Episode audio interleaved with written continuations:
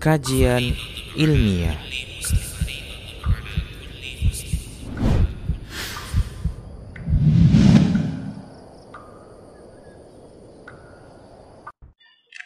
Assalamualaikum warahmatullahi wabarakatuh.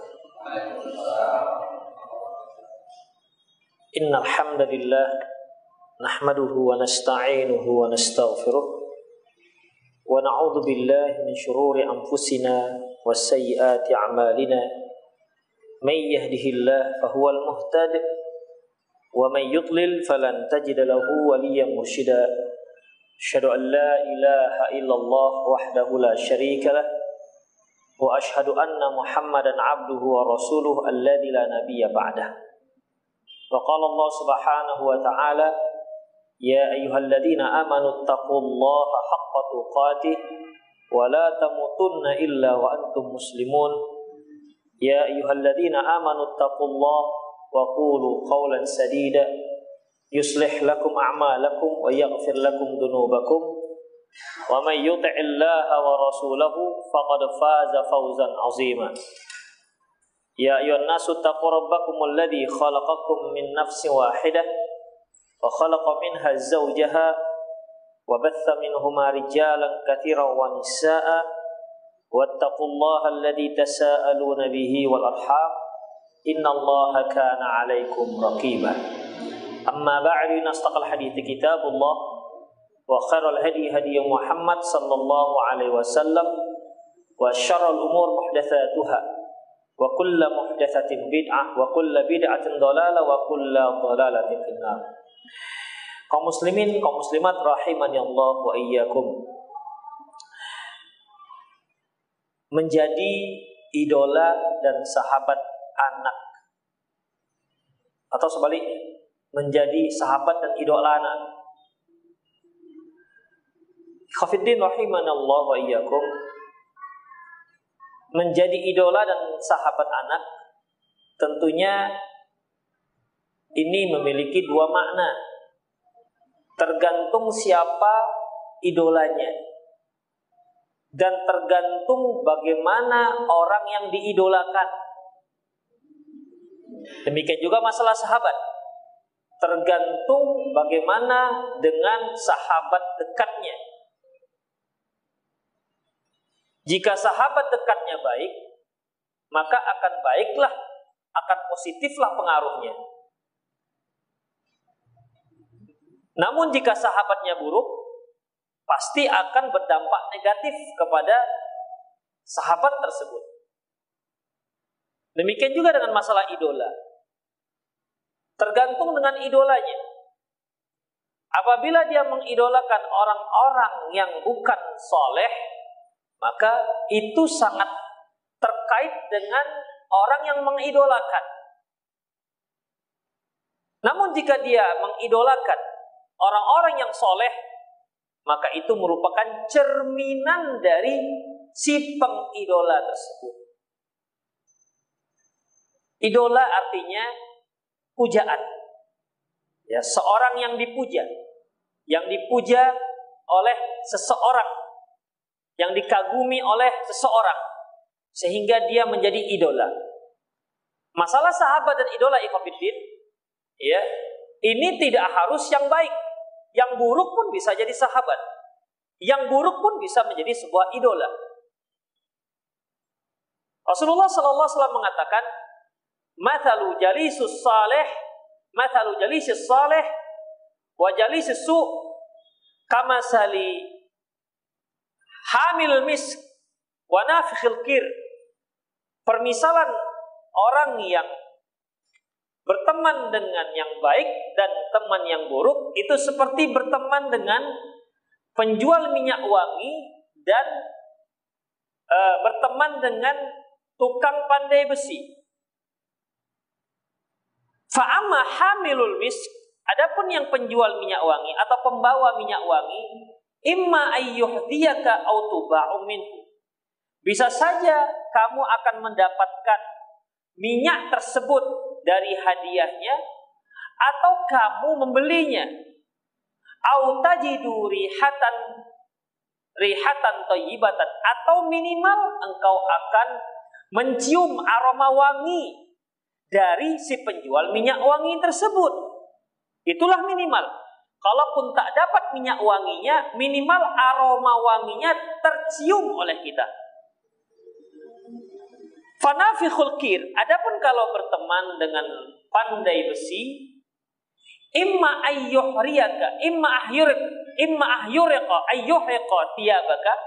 Bisa saja kobaran apinya membakar bajumu, au tajidu rihatan khabitatan atau engkau akan mencium bau busuk, bau asap, asap pembakaran besi. Itulah minimal. Kalaupun apinya tidak membakar pakaian kita, tidak membakar tubuh kita, minimal kita akan mencium bau busuk dari bakaran api tersebut. Demikian ikhafidin. Demikian juga halnya orang tua.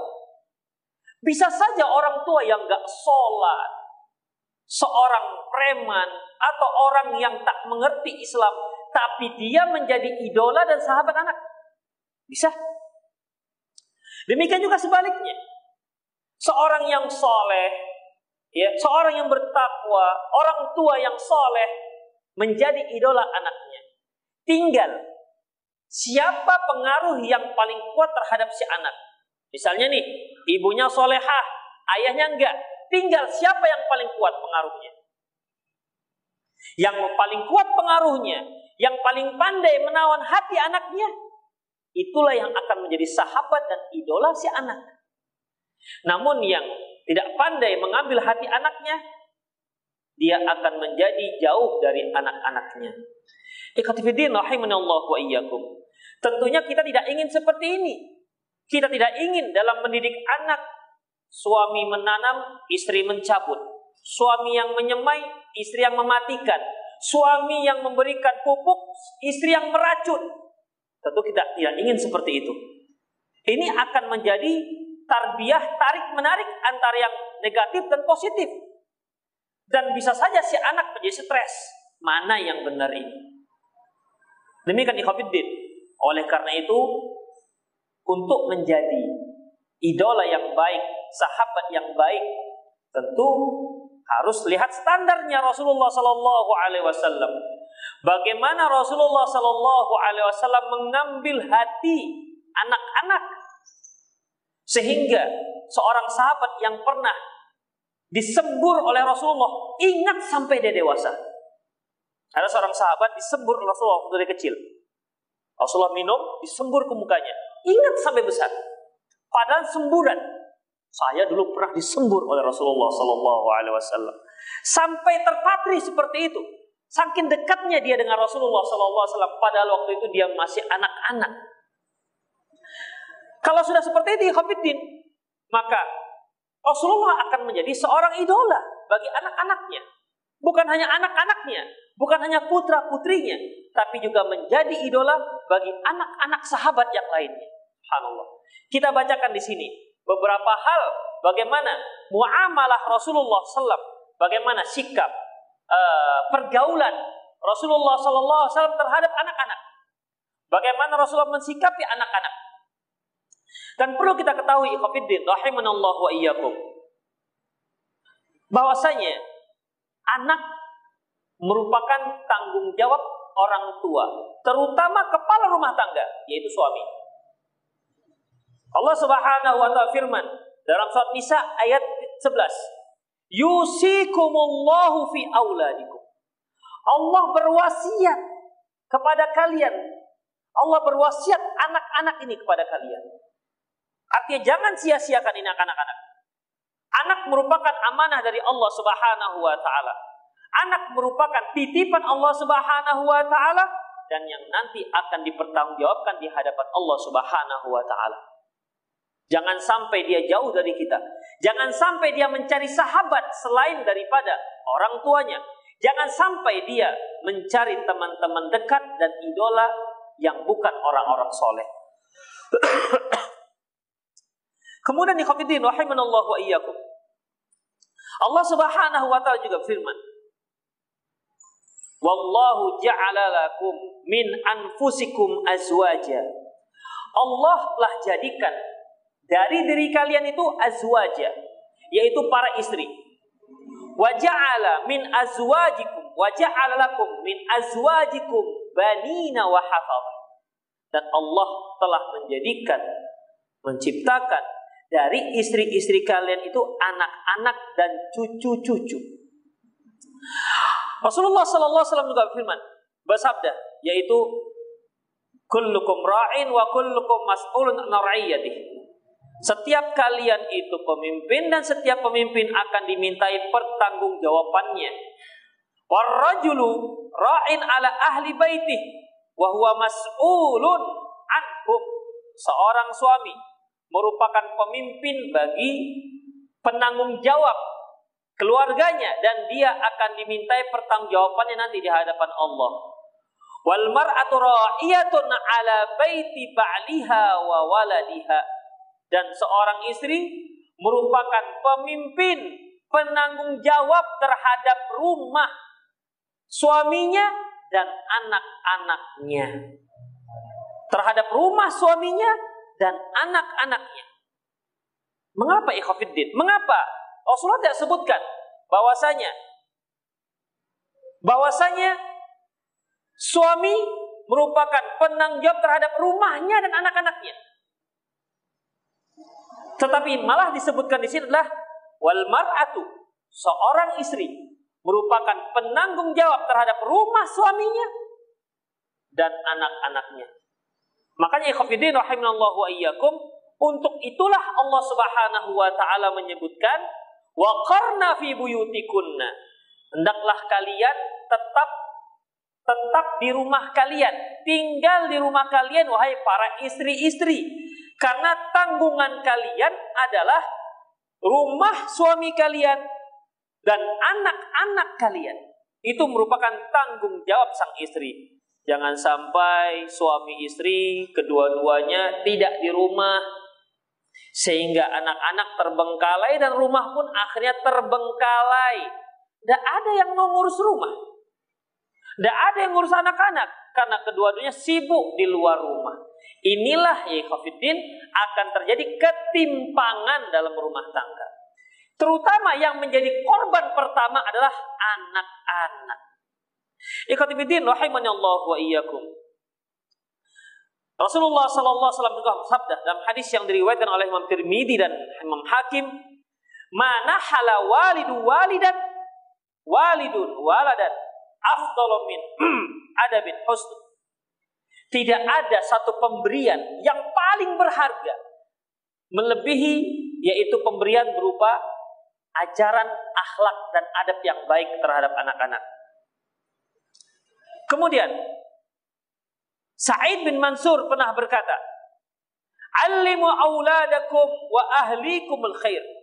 Ajarkan anak kalian dan keluarga kalian kebaikan. Wa adibuhum dan ajarkan adab.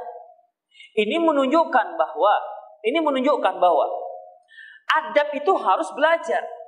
Anak itu tidak bisa begitu saja kemudian dia bisa menjadi seorang yang beradab, tidak Diajarkan dia bagaimana cara berbicara dengan adiknya, bagaimana bicara dengan abang dan kakaknya, bagaimana bicara dengan gurunya, bagaimana cara bersikap dengan orang tuanya, bagaimana bersikap dengan teman-temannya. Itu semua harus diajar.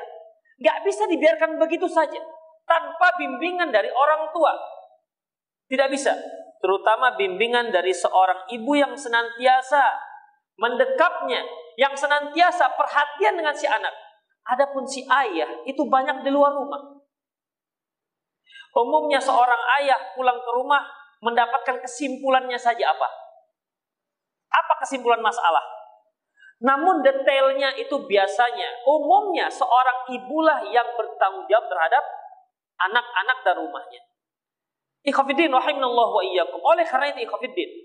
Oleh karena itu, inti daripada tanggung jawab seorang suami adalah ku anfusakum wa ahlikum naro. Selamatkan dirimu dan keluargamu dari api neraka. Itu intinya sebenarnya. Baik, kita ingin anak kita selamat. Kita dan anak-anak kita, keluarga kita selamat dari api neraka. Tentu kita harus Jadikan anak kita anak-anak yang soleh dan soleha. Kita ingin sebagaimana firman Allah Subhanahu wa taala, "Walladzina amanu wattaba'athum dzurriyyatuhum biimanin alhaqna bihim dzurriyyatahum." Dan orang-orang yang beriman kemudian diikuti oleh anak-anaknya juga beriman, alhaqna bihim dzurriyyatahum. Kami kumpulkan mereka nanti di hari akhirat. Itu itu kita inginkan. Kita berkumpul kembali dengan istri kita, berkumpul kembali dengan anak-anak kita. Tentu dengan suasana yang jauh lebih romantis, dengan suasana yang jauh lebih nikmat yaitu di surganya Allah Subhanahu wa taala. Semoga kita semua nanti dikumpulkan Allah Subhanahu wa taala dalam surga Jannatul Naim. Kita lihat ikhwatiddin rahimallahu wa iyyakum. Standar dan metode bagaimana pendekatan diri terhadap anak-anak dan itu sudah diajarkan Rasulullah Sallallahu Alaihi Wasallam. Ikhwan yang di luar silahkan di sini masih banyak tempat, masuk aja. Di dalam masih banyak. Di luar kan hujan kan nanti masuk angin. Fadol, fadol, masuk. Itu yang muda-muda itu masuk aja ke dalam. Iya, maju aja mas, mas, maju mas, maju mas, maju maju. Gak ada pertanyaan ya, maju, maju. Taib Kita lihat bagaimana Rasulullah SAW bermuamalah terhadap anak-anak. Sehingga beliau itu, walaupun seorang pemimpin negara, coba bayangkan, seorang pemimpin negara, bukan pemimpin negara, pemimpin dunia, bahkan bukan hanya pemimpin dunia, pemimpin manusia, dunia dan akhirat. Ternyata beliau bisa menjadi sahabat bagi anak-anak kecil. Coba bayangkan, kita kadang-kadang masih jadi RT aja gayanya. Dengan anak kecil cetak-cetak menjita. Iya. Tidak dekat dengan anak-anak kok bisa seperti itu? Mungkin sebagian orang mengira supaya kita jaga wibawa. Supaya jangan dijengkalin anak-anak. Jadi setiap anak yang melewat dipelototin supaya takut dia, jangan macam-macam. Ternyata tidak demikian Rasulullah Shallallahu Alaihi Wasallam. Kita lihat ya dalam hadis-hadis yang diriwayatkan oleh para sahabat. Bahkan sahabat yang meriwayatkannya ada yang pengalaman dia sewaktu dia kecil. Dia riwayatkan hadis ini ketika dia sudah dewasa. Luar biasa. Sangkin berkesannya sikap Rasulullah SAW terhadap terhadap dirinya ketika dia kecil. itu ya Oleh karena itu kalau Allah Subhanahu wa taala mengatakan wa innaka la'ala khuluqin 'adzim, sungguhnya engkau yang Muhammad berada di atas akhlak yang mulia, akhlak yang agung, itu bukanlah suatu hal yang apa namanya yang mengada-ngada. Ini memang luar biasa. Luar biasa. Bagaimana praktek yang dilakukan Rasulullah SAW. Tidak hanya dengan dengan orang-orang dewasa, dengan anak-anak. Bahkan dengan anak-anak bayi yang luar biasa ya Kita lihat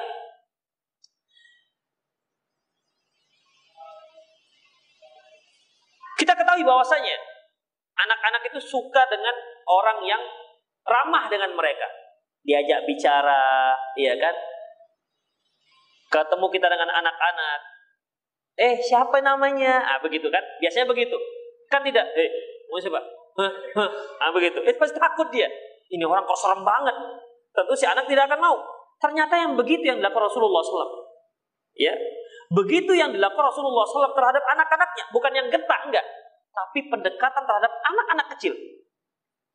Kita lihat sebuah hadis di mana Rasulullah SAW memberikan satu prinsip hidup seorang muslim.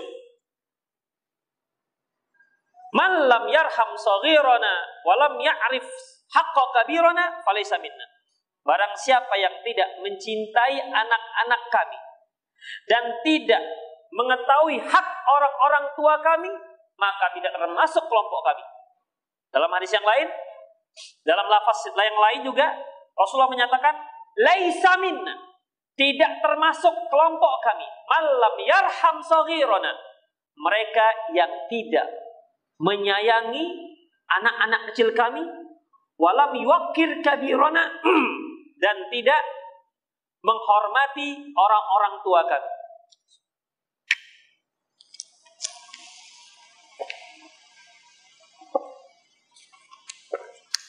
Dalam sebuah hadis yang diriwayatkan oleh Imam Ahmad dan juga Imam Al-Haythami dalam kitab Majma' Zawaid an Abi Hurairah radhiyallahu an. Dari Abi Hurairah radhiyallahu anhu qala dia berkata, "Kunna nusalli ma'a Rasulillah sallallahu alaihi wasallam al-isya." Bahwasanya kami salat bersama Rasulullah sallallahu alaihi wasallam pada waktu salat Isya. Fa idza sajada wathaba al-Hasan wal Husain ala dhahri apabila beliau sujud, maka Hasan dan Husain naik ke punggung beliau.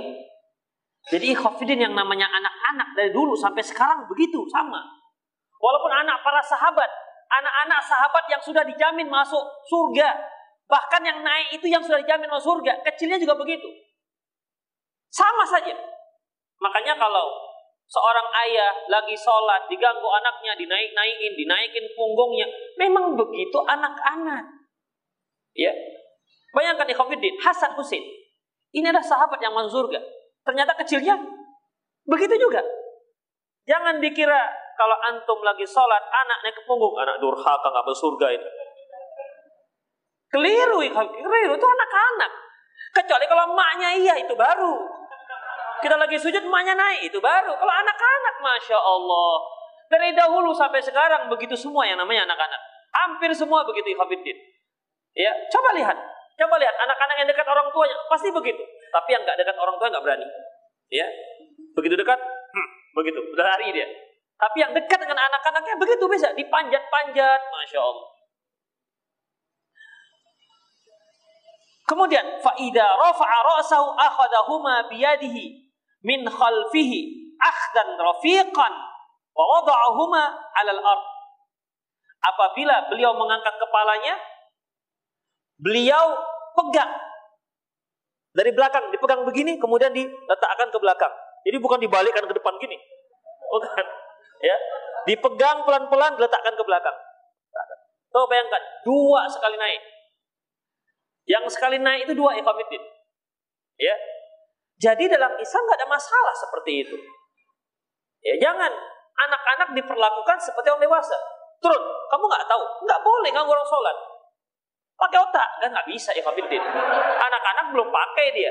Dia taunya apa yang bisa dipanjat dipanjat dengan dia. Begitulah Rasulullah letakkan dari belakang dipegang, kemudian diletakkan baru beliau bangkit. Itu ya Jadi jangan kesal antum dinaikin, buang itu terbalik anak-anaknya. Ya kasihan. Begitulah Rasulullah Sallallahu Alaihi Wasallam. Ini kan juga menandakan bahwasanya ini Hasan Husain dibawa ke masjid. Ketika beliau satu dibawa. Ya dibawa. Yang diganggu itu bukan makmum malahan. Imamnya yang diganggu. Di mana kalau seandainya imamnya tak naik kepalanya, satu masjid nggak akan mungkin mengangkat kepalanya. Begitulah itu memang anak-anak. Makanya ikhafidin Allah wa iyyakum tak boleh kita mengusir anak-anak dari masjid dikarenakan alasan dia mengganggu. Nanti akan ada hadis yang memang Rasulullah tak tak bangkit-bangkit. Kalau ini bangkit, ya. Kalau yang ini, kalau yang itu hadisnya satu orang saja, Hasan atau Husain. Tapi kalau yang ini dua-dua, boncengan mereka, masya Allah, boncengan. Dia naik dua, yo begitu kita bayangkan gimana Anak-anak kalau sudah boncengan dua, kalau satu mungkin naik saja. Kalau boncengan mau boncengan, goyang-goyang, goyang, begitulah ikhwafiddin. Itulah fenomena yang bisa kita bayangkan betapa Rasulullah SAW terhadap anak-anak itu betul-betul hanin, sayangnya luar biasa. Dan ingat ikhwafiddin, dan para sahabat itu tahu Rasulullah itu suka dengan anak kecil. Ya, tahu sekali mereka. Makanya kalau mereka berkunjung yang punya anak kecil dibawa atau anaknya? Dibawa anaknya. Karena apa ikhwafiddin? Kalau dibawa anaknya, kadang-kadang dipangku Rasulullah, didoakan. Itu ikhwafiddin. Ya, didoakan oleh Rasulullah SAW. Kita lihat hadis yang lain. Yaitu uh, seorang sahabiah yang bernama Ummu Khalid. Ibunya si Khalid. Ummu Khalid ini meriwayatkan kisah dia di saat dia waktu kecil. Di saat dia masih kecil. Dan dewasa dia dia riwayatkan hadis ini, kisah dia ini. menunjukkan kesan yang luar biasa terhadap Rasulullah SAW. Dia katakan, Wahada mashhadu kana fi tufulatiha la zalat. Ini merupakan kisah yang terjadi di saat dia masih kecil dan masih dia ingat sampai dia meriwayatkan hadis ini. Watakulu dia berkata, itu Rasulullah Sallallahu Alaihi Wasallam ma'abi. Aku mendatangi Rasulullah bersama ayahku. Jadi ini ayahnya ini tahu bahwa saya Rasul suka anak-anak. Dibawa. Perempuan ya ini anak perempuan Ummu Khalid. Kemudian wa alayya qamisun asfar. Waktu itu aku pakai baju berwarna kuning. Kala Rasulullah sallallahu alaihi wasallam. Lantas Rasulullah melihatnya, apa kata beliau? Sana, sana. Hmm, kalau bahasa kita mantap, mantap, gitulah kira-kira. Bagus, bagus. Pas, cocok pakai baju, pakai baju kuning. Khalat berkata Ummu Khalid, "Fadahabtu al-abu bi khatamin nubuwah." Kemudian aku pun mendekat Rasulullah. Kemudian aku main-mainkan cincin beliau. Aku mainkan cincin beliau. Dimain-mainkan cincin Rasulullah. Ini kan menunjukkan anak itu dekat dengan Rasulullah. Kalau enggak mana berani dia dekat. Ya, seorang anak ikhwafiddin, kalau dia tidak tahu dengan siapa dia mendekat, dia enggak akan mendekat. Tapi ternyata Ummu Khalid, Ummu Khalid masih ingat waktu itu saat aku masih kecil, ya, ayahku membawa aku ketika melihat Rasulullah, aku langsung dekat dengan Rasulullah. Aku main-mainkan cincinnya Rasulullah sallallahu alaihi wasallam. Fanahani abi Lantas ayahku melarang, eh jangan jangan biar jangan jangan ganggu Rasulullah.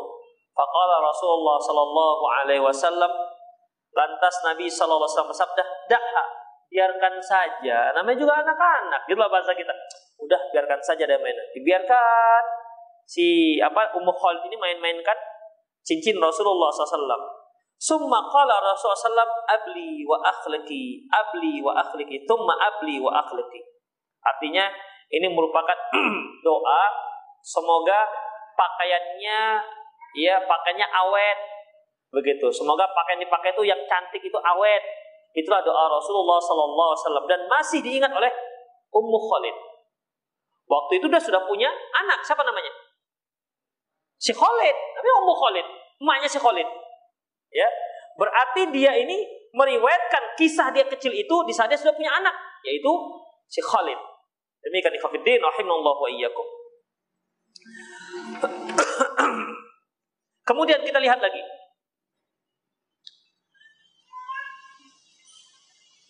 Warubbama hamala Rasulullah sallallahu alaihi wasallam at-tifl saghir wa yabulu ala thawb.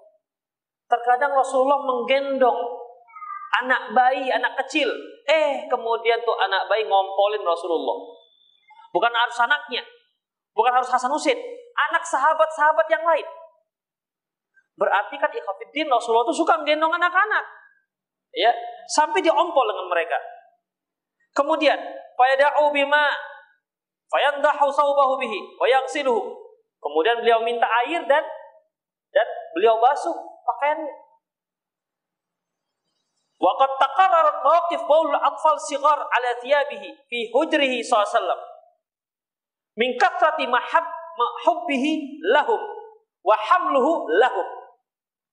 Dan kisah ini sering terjadi.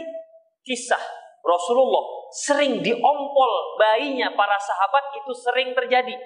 Itu menunjukkan saking cintanya, senangnya beliau dengan anak-anak, saking seringnya Rasulullah gendongin anak-anak.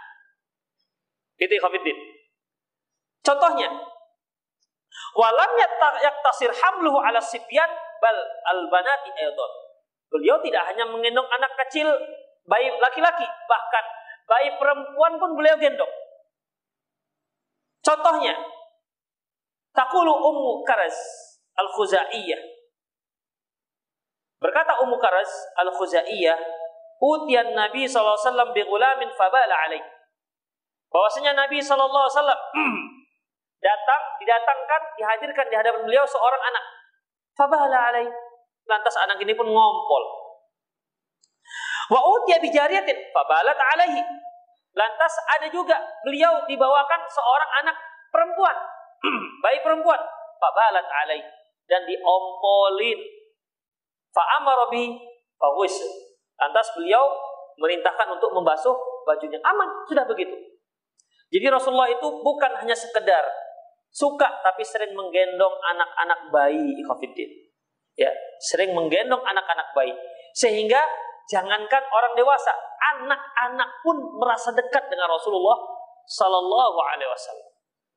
Cobalah antum pernah nggak diompol bayi? Itu pernah diompol? Anda pernah, Dok? Anda pernah. Dari wajahnya nampak nggak pernah diompol. Demikian ikhwatiddin. Ya. Oleh karena itu ikhwatiddin rahimallahu wa iyyakum kalau yang ngompolin kita itu anak kita, itu biasa. Yang ngompolin kita itu cucu kita, itu biasa. Tapi kalau yang ngompolin kita itu anak orang lain, ini yang luar biasa. Bukan sekali, dua kali, tiga kali, empat kali. Ini berarti memang orang ini yang senang dengan anak-anak. Itu Khafiddin. Ya. Sedangkan seorang suami saja begitu gendong anaknya takut-takut ngompol nggak ngompol nggak ngompol nggak begitu kan begitu ngompol panas panas anak-anak ambil anak kau ini cepat. Panas ini misal begitu. Udah merasa kelimpungan padahal anaknya sendiri. Itu Khafiddin ya. Lain kali pakaikan kalau abang yang gendongnya pakaikan pempes ya supaya ngompol. Oh gini kan gimana coba? Masya Allah padahal baju juga istrinya yang nyuci. Singletnya juga istrinya nyuci. Tinggal tukar saja ribet. Tapi begitulah yang ada ya fenomena itu ada di tengah-tengah masyarakat muslim kita kemudian kita lihat lagi Kafiddin rahimanallahu wa iyyakum yaitu Yaqulu sahibu Abu Musa al-Asy'ari berkata sahabatnya Abu Musa al-Asy'ari Wulidali ulamun fa'ataitu bihin Nabi sallallahu alaihi wasallam Lahirlah anakku yang laki-laki dan aku bawa kepada Nabi sallallahu alaihi wasallam. Fasammahu Ibrahim. Lantas beliau memberinya nama Ibrahim. Fahannakahu bitamratin. Lantas beliau kunyahkan kurma, ya, kunyahkan kurma setelah menjadi air liur beliau, beliau letakkan di di mulut si anak. Ini Hafiddin. Karena air liur Rasulullah itu berkah. Kalau antum seorang ustadz nggak usah lah, ya, nggak mau itu yang punya anak. Kalau dia punya bayi, dianya saja orang tuanya saja. Ada beberapa, ada dua pendapat masalah ini, masalah teknik anak, yaitu sebagian berpendapat bahwasanya itu khusus untuk Rasulullah Shallallahu Alaihi Wasallam, karena itu air liurnya Rasulullah, ya, yang penuh berkah. Banyak para sahabat begitu anaknya lahir, ya dibawakan kepada Rasulullah, Rasul tanya mana, bawa nggak kurma, bawa, dikunyah ke Rasulullah, dan dikunyah lantas, lantas beliau masukkan air liur beliau ke mulut si anak. Itu Khofiddin. Kunyahan kurma. Demikian. Jadi kalau nggak Rasulullah gimana? Ya kan? Pak Ustadz tolong kunyahkan. Entar Pak. Ha, begitu. Aduh, terima kasih Pak Ustadz. Biar saya juga bisa. Beda ikhwatiddin rahimani Allah wa iyyakum ya. Jadi ya sudah orang tuanya saja, orang tuanya saja dan doakan untuk anak-anaknya. Namun yang rojih bukan hanya untuk Rasulullah, tapi itu untuk semua kaum muslimin. Mentahnik anak-anaknya. ya. Kemudian ikhafidin, kita lihat lagi. Dari Ya'la bin Murrah. Kharajtu ma'an Nabi sallallahu alaihi wasallam ala ta'amin. Aku keluar bersama Rasulullah untuk undangan makan. Fa'idal Hasan bin Ali yal'abu fit Ternyata di tengah jalan ketemu dengan Hasan bin Ali yang sedang main-main di jalan. Ya, yang sedang main, tentu jalannya bukan jalan umum seperti ini, jalannya jalan desa begitu ya. Sedang main-main di jalan. Kemudian fa asra'an Nabi sallallahu alaihi wasallam melihat Hasan bin Ali main di depan, Rasulullah lantas yang tadinya berada di tengah kaum, beliau melomba para sahabat supaya dia di depan. Lantas si Khafiddin, summa basata yadaihi. Kemudian dia bentangkan tangannya begitu. Begitulah Ikhwanuddin. Dia apa namanya mau memeluk anaknya kan memeluk Hasan. Dia bentangkan tangannya seperti ini. Kemudian liya akhuda untuk menga, me, apa namanya untuk menangkap anak-anak. Fatafi kalau hunaha wa yafiru. Anak-anak yang tadi ngumpul, lari-lari akhirnya, ya. Karena mau ditangkap Rasulullah SAW, mau ditangkap, ayo, ditangkap begitu. Ayam tadi Khafidin, presiden begitu dengan anak-anak. Anak ditangkap itu begitu. Jadi, Khafidin kalau kita macam main alim lah begitu. Lantas Khafidin, anak-anak pun akhirnya lari ke sana kemari. Ya, lari sana kemari. Wa Rasulullah SAW yalhaquhu wa yudahikuhu. Dan Rasulullah mengejar-ngejari mereka. Dikejar-kejar mereka. Dan membuat mereka tertawa. Balkana ya'khudu Usamah bin Zaid wal Hasan bin Ali fayaq'uduhuma ala fakhidhi kullu ala nahiyatin summa yadummuhuma. Bahkan beliau memegang dua orang anak sekaligus di pangku sebelah kanan Hasan bin Ali, sebelah kiri Usamah bin Zaid. Waktu itu masih kecil. Dan beliau peluk keduanya. Ya, beliau peluk keduanya. Kemudian wayaqulu beliau mengatakan berdoa Allahumma arhamhuma fa inni arhamuhuma. Ya Allah, cintailah mereka berdua karena sesungguhnya aku mencintai mereka berdua. Itulah Rasulullah sallallahu alaihi wasallam. Anda pernah ngamen alif dengan anak-anak? Anda kan? Demikian. Waktu kecil ya alif, dah besar kita RT kok main alif. Begitu. Kemudian ikhwatiddin rahimani Allah wa iyyakum. Hadis yang lain, hadis tadi diriwayatkan oleh Imam Bukhari. An Anas radhiyallahu anhu qala dia berkata, "Kana Rasulullah yula'ibu Zainab binti Ummu Salamah." Bahwasanya Rasulullah sallallahu alaihi wasallam bermain dengan Zainab binti Ummu Salamah dengan mengatakan, "Ya Zuwainab, ya Zuwainab." Ini panggilan, panggilan kesayangan Ya, kalau orang Arab memanggil sayangan, beliau kecilkan bentuk bahasanya. Seperti ya ibni. Ibni itu wahai anakku. Dikecilkan, wahai anak kecilku, ya bunayya, itu panggilan lembut. Dan itu tidak harus anak kecil.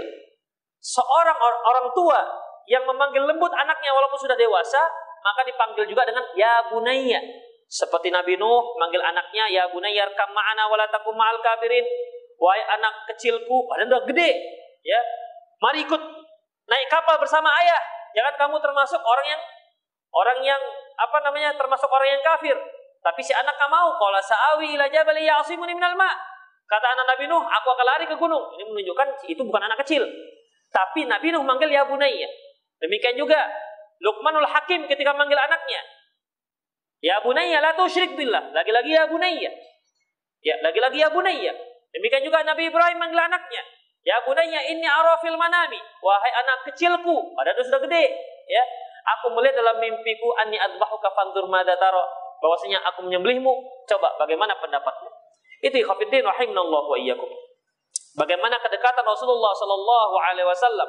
Jadi kita harus menjadi sahabat anak kita kalau bisa teman main kita, anak kita, kalau dia masih main-main, ya, teman canda tawa anak kita agar kita menjadi sahabatnya.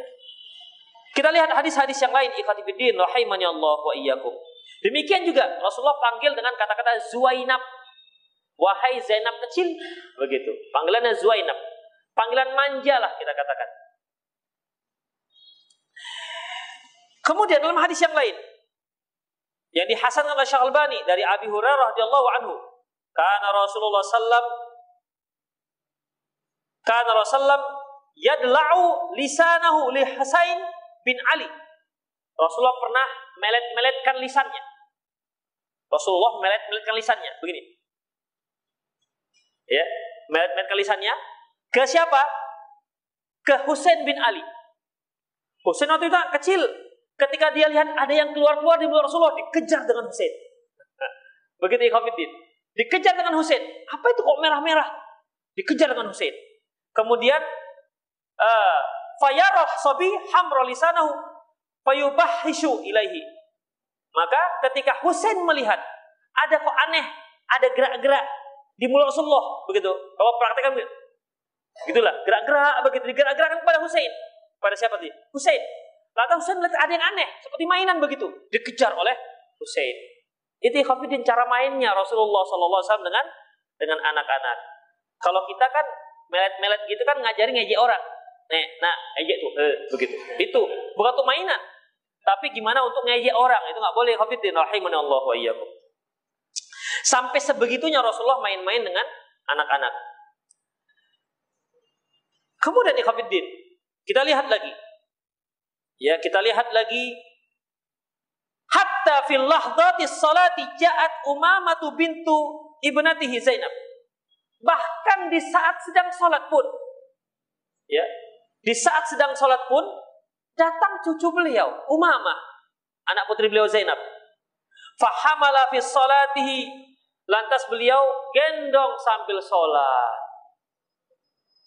Ada di sini bapak-bapak yang pernah sholat sambil gendong anak? Nah, belum ada kan? Yang biasanya mak-mak.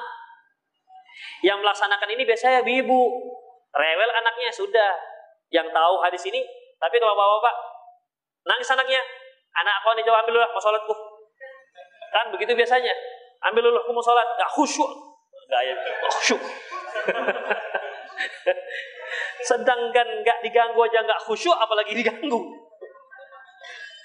Jadi begitu. Akhirnya ya istri juga jadi pelampiasan. Kan begitu jadi covid Tapi Rasulullah nggak seperti itu.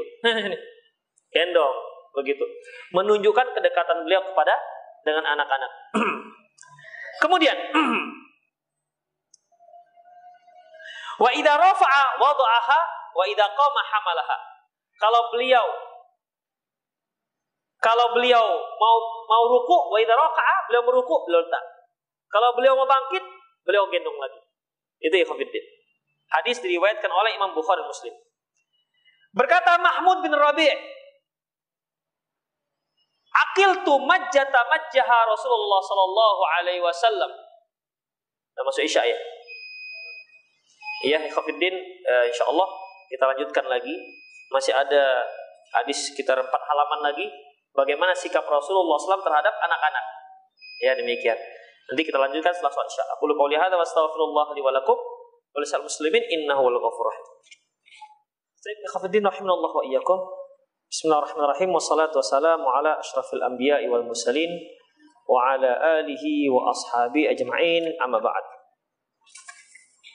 Kita lanjutkan tentang bagaimana muamalah Rasulullah sallallahu alaihi wasallam sikap beliau, sikap Rasulullah Shallallahu Alaihi Wasallam terhadap anak-anak uh, beliau, kepada tidak hanya anak-anak beliau, tapi juga kepada anak-anak para sahabat.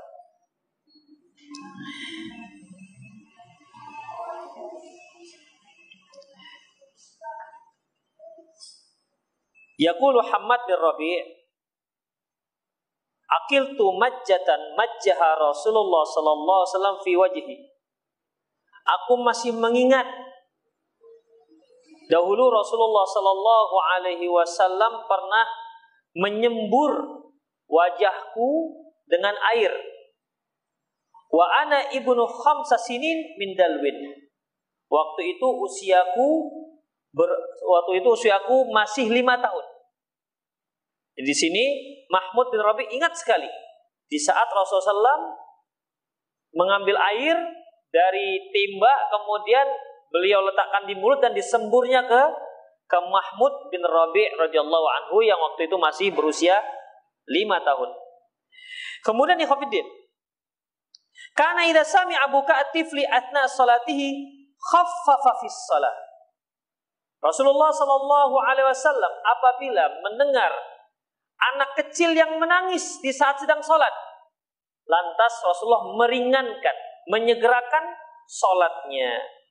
Di mana beliau pernah mengatakan inilah aku mufis sholati uridu an utawwila fiha. Aku pernah sholat waktu itu tentunya mengimami kaum muslimin sholat dan aku ingin memperpanjang sholat, memperpanjang bacaan sholat. Tapi permasalahannya faasma abuka as-sabi fa'atajawaza fi sholati. Tapi di saat itu aku mendengar, aku mendengar anak-anak menangis. Ada seorang anak menangis. Lantas kuringkaskan sholatnya. Kerohiyatan an asyak an asyukka ala ummihi. Karena khawatir nanti aku akan menyulitkan ibunya. Di sini khafidin rahimahullah wa iyyakum kembali disebutkan bahwasanya tangisan seorang anak di saat sholat berjamaah. Berarti si ibu bawa anak. Ya, berarti si ibu bawa anak. Memang ada juga pendapat yang mengatakan bahwasanya kemungkinan si anak itu berada di rumah, si ibu di masjid, sehingga suara si anak sampai ke masjid. Tapi ini kemungkinan agak sedikit jauh. Ya, kemungkinan besar itu si ibu ke masjid, sholat berjamaah bersama Rasulullah SAW sambil membawa anaknya. Waktu itu Rasulullah ingin memperpanjang sholat dengan baca bacaan yang panjang.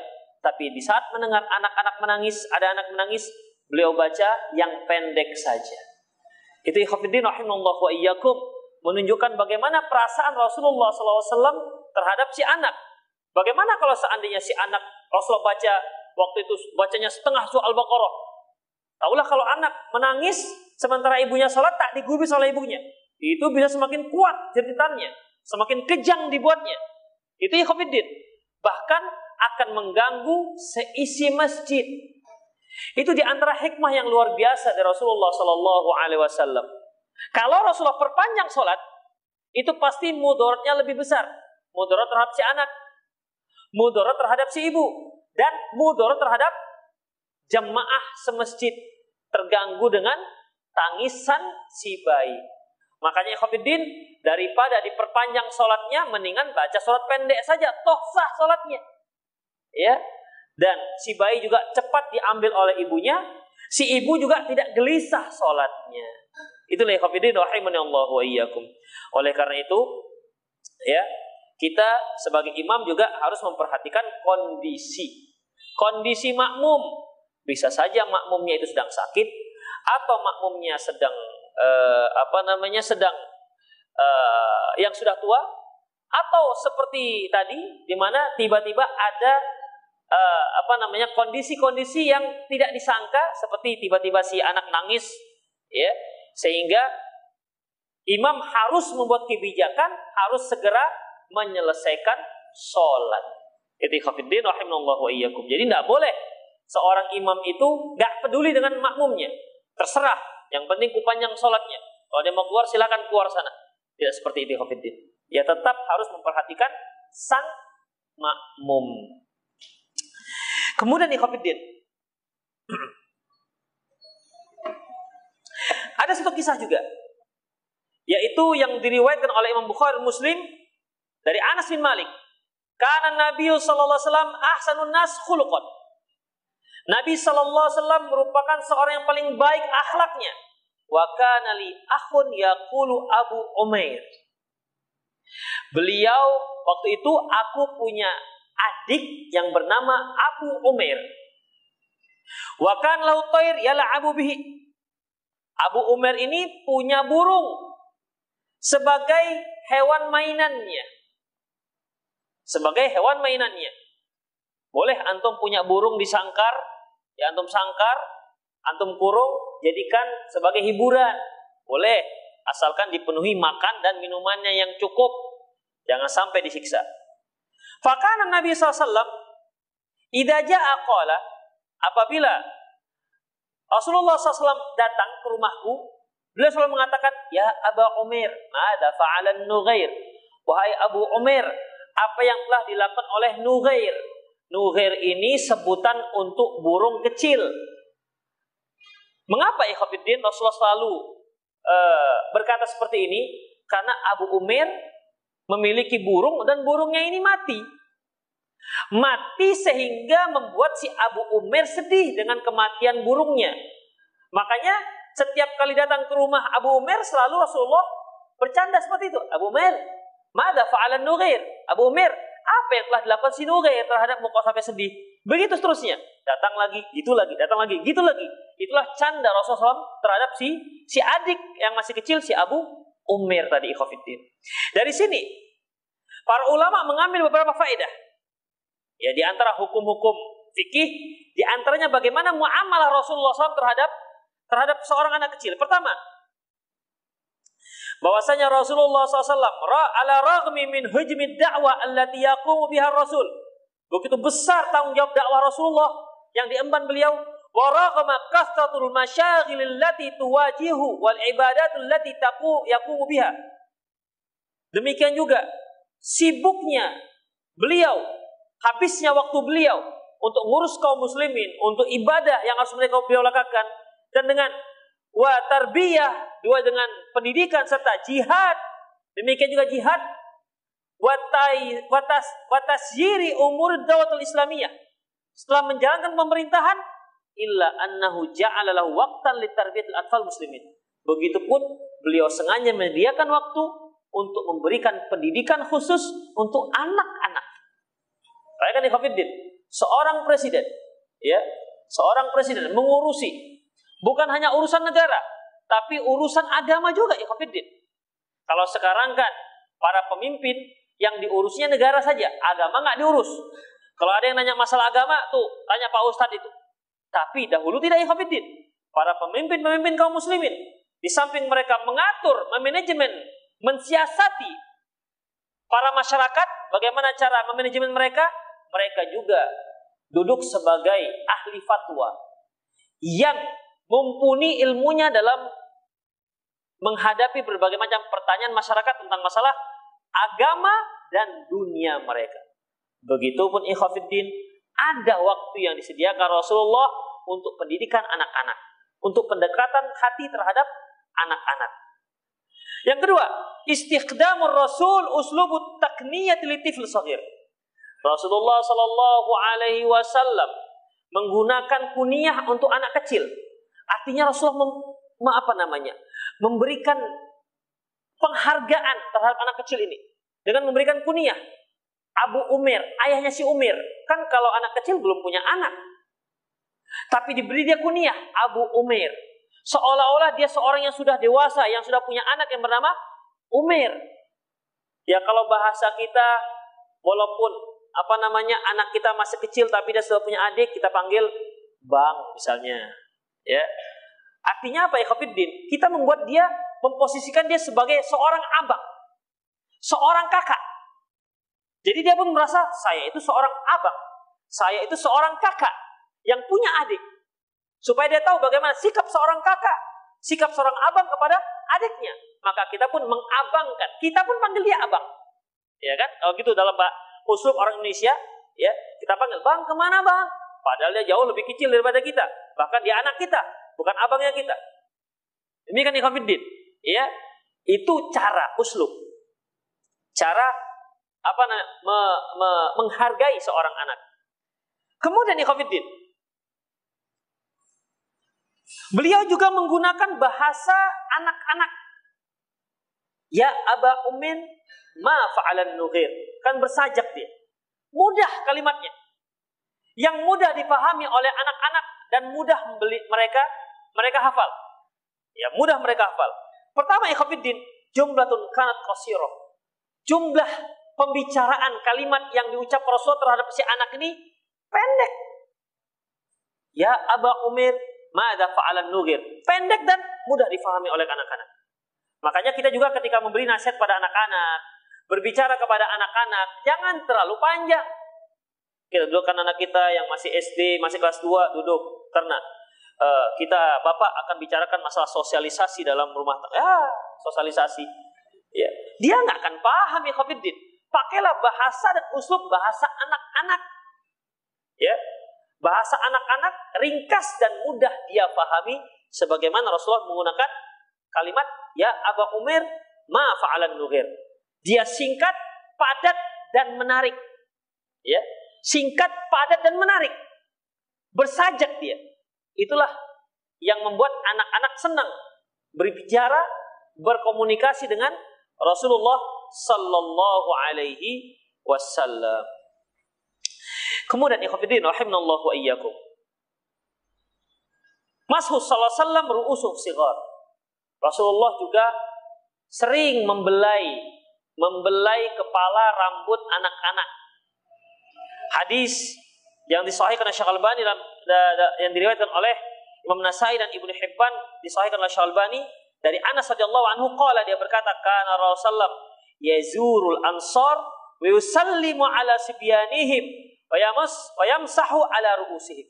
Nabi SAW mengunjungi orang-orang Ansor. Beliau mengucapkan salam kepada anak-anak. Jadi setiap beliau berpapasan dengan anak-anak, beliau mengucapkan Assalamualaikum. Kepada mereka, asik anak-anak. Yang masih main-main, ya kejar sana, kejar sana, kejar sini. Namun ketika beliau berpapasan, melintas, beliau mengatakan Assalamualaikum. Begitu Ikhwafiddin. Itulah Rasulullah SAW. Kemudian beliau usap-usap kepala anak-anak itu. Kan bangga Ikhwafiddin. Ya, bangga sekali anak-anak kecil diusap kepala oleh presiden. Begitu. Kalau tahu orang tuanya itu, misalnya Jokowi mengusap kepala anak antum, itu kalau bisa foto-foto foto masuk Instagram, masuk Facebook, masuk apa, anakku diusap kepalanya oleh Jokowi. Begitu. Jokowi paling Covid masih presiden. Ini pemimpin dunia akhirat. Ini Coviddin rahimallahu wa iyyakum. Kemudian apa lagi Coviddin? Dalam hadis yang lain, sallaitu ma'a Rasulullah, kata Jabir bin Samurah. Sallaitu ma'a Rasulullah sallam, aku salat bersama sallam, salatul ula. Salat subuh, summa kharaja ila ahli. Fakharastu ma'ah. Kemudian beliau keluar ke rumahnya, pulang ke rumahnya dan aku pun ikut bersama beliau. Fastaqbalahu wildah. Tiba-tiba beliau disambut oleh dua orang anak kecil. Wa ja'ala yamsahu khaddi ahadihima wahidan wahidan Lantas beliau mengusap pipi si anak satu persatu diusap. Insya Allah. Satu-satu diusap pipi mereka. Kan senang anak-anak begitu. Kemudian ikhwafiddin. Qala. Qala. Wa amma ana. Famasa khuddi. Adapun aku. Akulah yang diusap pipiku oleh Rasulullah. Masih ingat dia.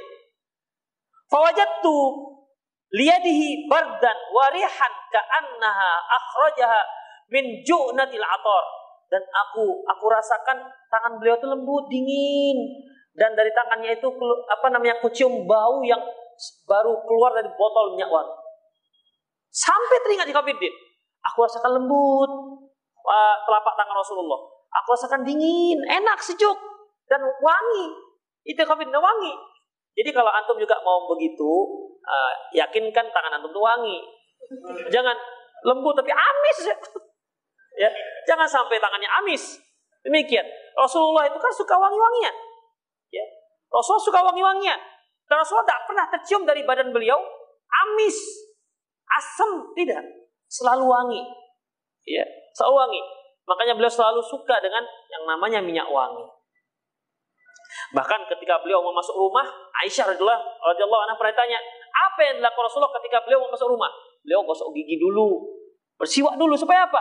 ketika dia mengucapkan wassalamualaikum aroma segar yang dicium oleh orang rumahnya bukan asam bukan bau rokok apalagi jengkol jengkol yang masih mentah baru dimakan kemarin di di rumah rumah makan si dempuan misalnya begitu demikian ikhwatiddin rahimani Allah wa iyyakum Waalaikumsalam. Udah, masya Allah. Begitulah Rasulullah Sallallahu Alaihi Wasallam. Beliau selalu membuat orang lain itu nyaman senyaman nyamannya. Tidak hanya orang besar, anak kecil-kecil pun nyaman dengan Rasulullah Sallallahu Alaihi Wasallam. Kita lihat lagi. Dari Anas bin Malik. Hadis tadi diriwayatkan oleh Imam Muslim. Dari Anas bin Malik, intaha ilaina Rasulullah wa ana gulamun min gilman. Tiba-tiba Rasulullah mendatangi kami. Waktu itu aku masih kecil. Fasallama alaina. Lantas beliau mengucapkan salam kepada kami yang anak-anak kecil ini. Summa akhadha biyadi. Kemudian beliau pegang tanganku. Fa'arsalani birisalatin. Wa qa'ada, wa qa'ada fi dhilli jidarin. Lantas beliau pegang tanganku dan beliau minta agar aku mengambil ini surat dan dan dan memberikan kepada si fulan.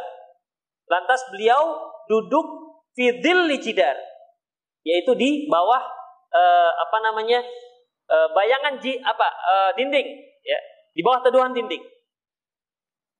Kemudian hatta roja'atu ilaihi sampai aku kembali kepada beliau.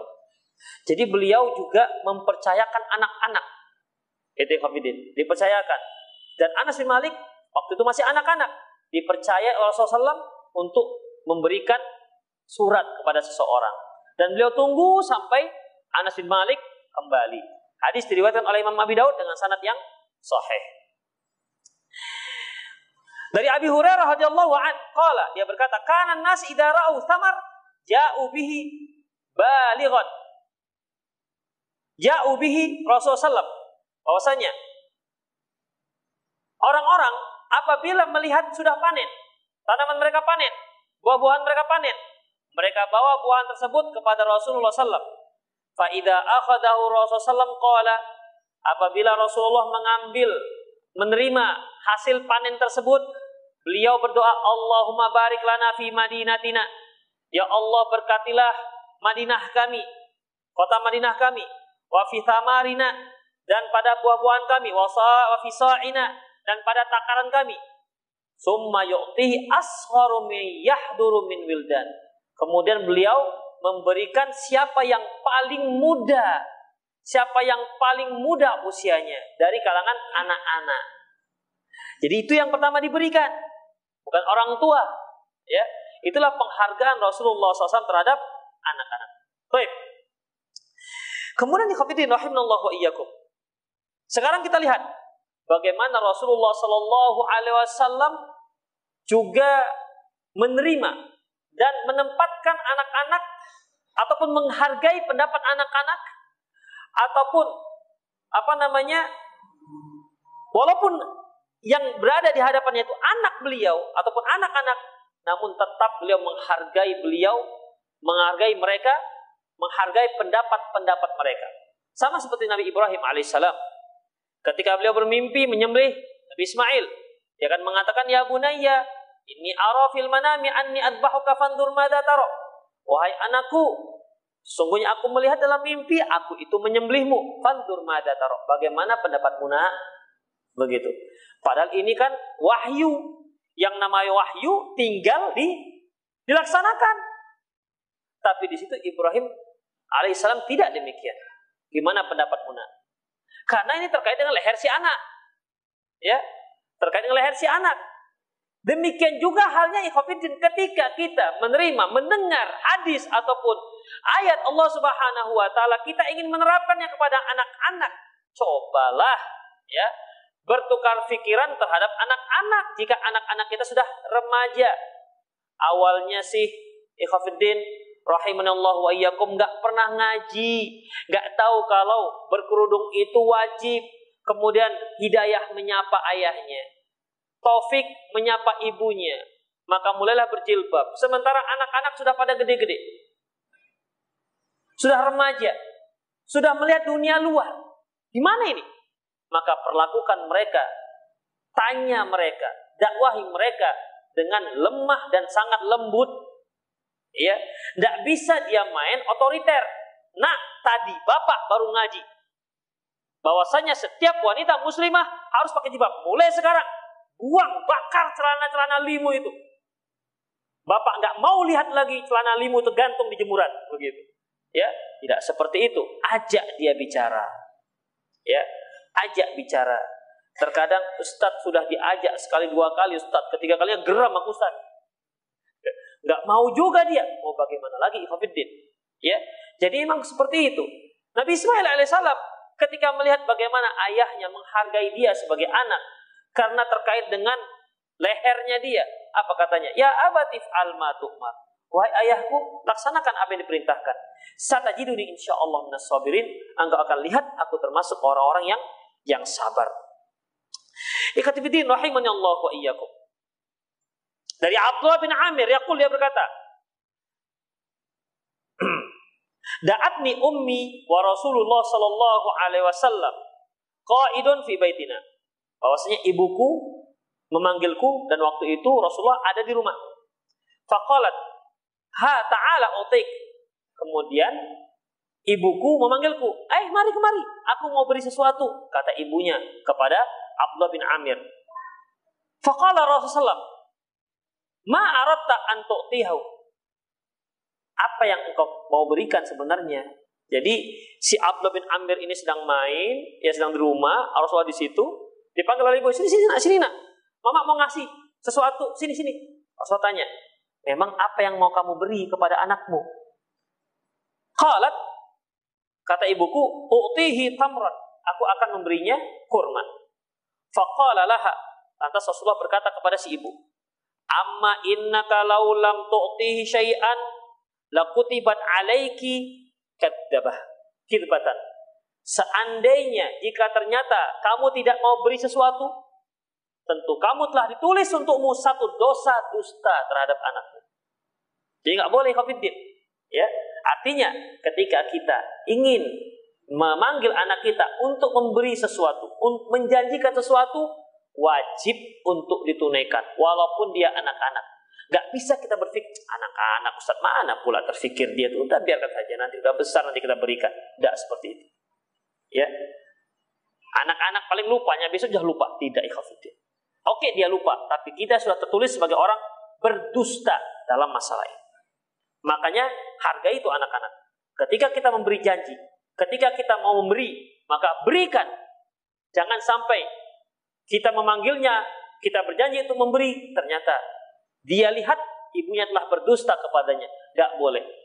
Makanya seorang bapak juga ketika dia pergi, kemudian anaknya merengek minta ikut. Lantas supaya si anak cepat diam, udah-udah diam. Nanti bapak beli motor-motoran. Si anak pun diam. Oh iya, iya pak, benar. Nah, akhirnya dia pulang bapaknya, pura-pura nggak ada macam nggak kejadian apa-apa. Si anak Mana motornya?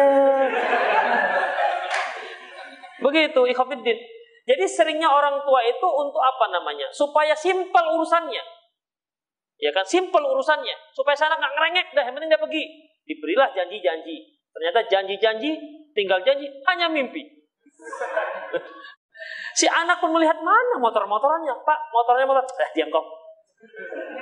Ribut aja. Begitu. Nanti udah besar, Bapak berikan motor yang betul. Begitu. Jadi sudah besar lagi. Itu tidak dibenarkan, Pak. Tidak dibenarkan. Ibu juga begitu. Jangan janji-janji kepada anak-anak kalau kita itu memang tidak ingin untuk memberinya. Janji itu dusta. Ya, dusta. Jangan salahkan si anak kalau ternyata dia juga akan mendusta, berdusta kepada orang tuanya. Itu setelah dia mendapatkan kedustaan demi kedustaan terhadap anak-anaknya. Itu khafidin. Ya jadi jangan sekali-sekali kita instan. Mau yang instan supaya si anak diam. Ya. Mau instan supaya si anak diam. Demikian. Kalau ternyata memang kita ingin memberikan tapi kita lupa, minta maaf. Aduh, Bapak lupa. Lupa Bapak, benar. Jadi memang kita niat untuk memberikan, bukan hanya sekedar dusta Anda. Memang memberikan, tapi lupa. Bilangkan, maaf nak, Bapak lupa. Begitu, ikhwatiddin. Udah udah jangan jangan jangan nangis. Nanti pulang Bapak bawakan martabak bangka. Si anak oh, martabak bangka enak itu kan. Yang pakai keju Pak ya beres. Begitu. Pulang-pulang Pak martabak yang 3000 itu. Pak, bangka mah. Eh Khafidin janji tinggal janji. Martabak bangka hilang. Rupanya yang dibelinya martabak simpang lowo. Ikhwafiddin tidak dibenarkan. Berikan janji tersebut sesuai dengan apa yang kita janjikan. Itu merupakan pendidikan bagi si si anak. Makanya Rasulullah mengancam, kalau tadi kamu tidak berikan, kamu akan ditulis setelah membuat satu dosa dusta. Ikhwafiddin. Kemudian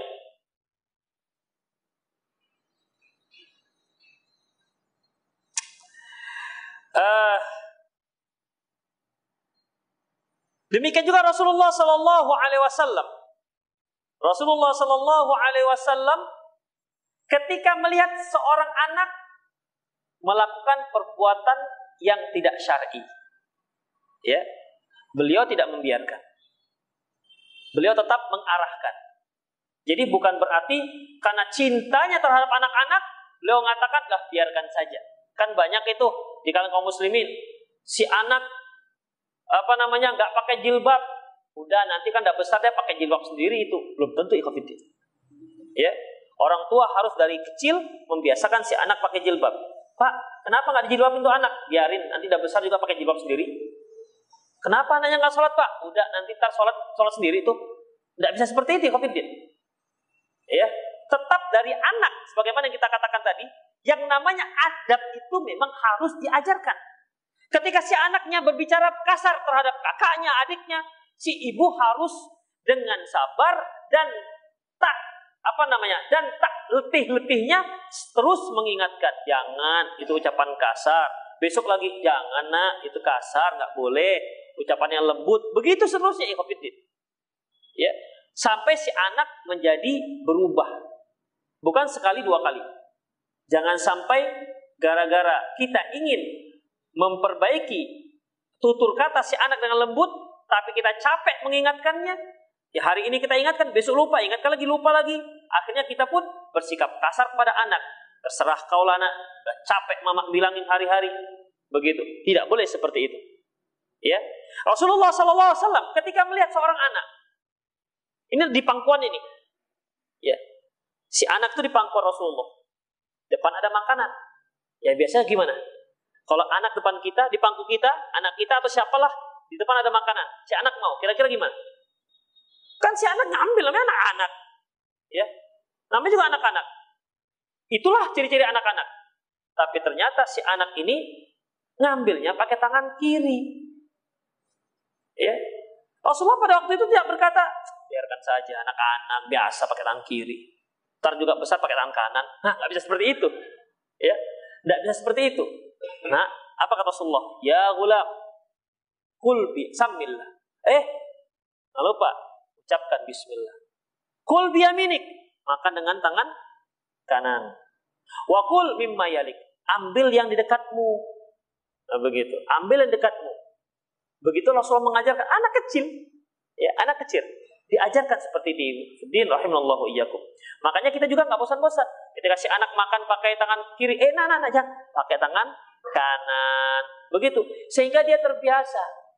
Sehingga dia terbiasa melakukan adab-adab seperti itu. Tetap diingatkan ketika si anak melakukan berbagai kesalahan-kesalahan, tapi dengan bahasa si anak.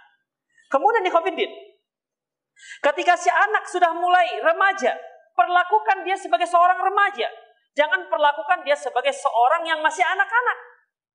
Ya, misalnya antum punya anak sudah kelas 3 SMP atau kelas SMA lah.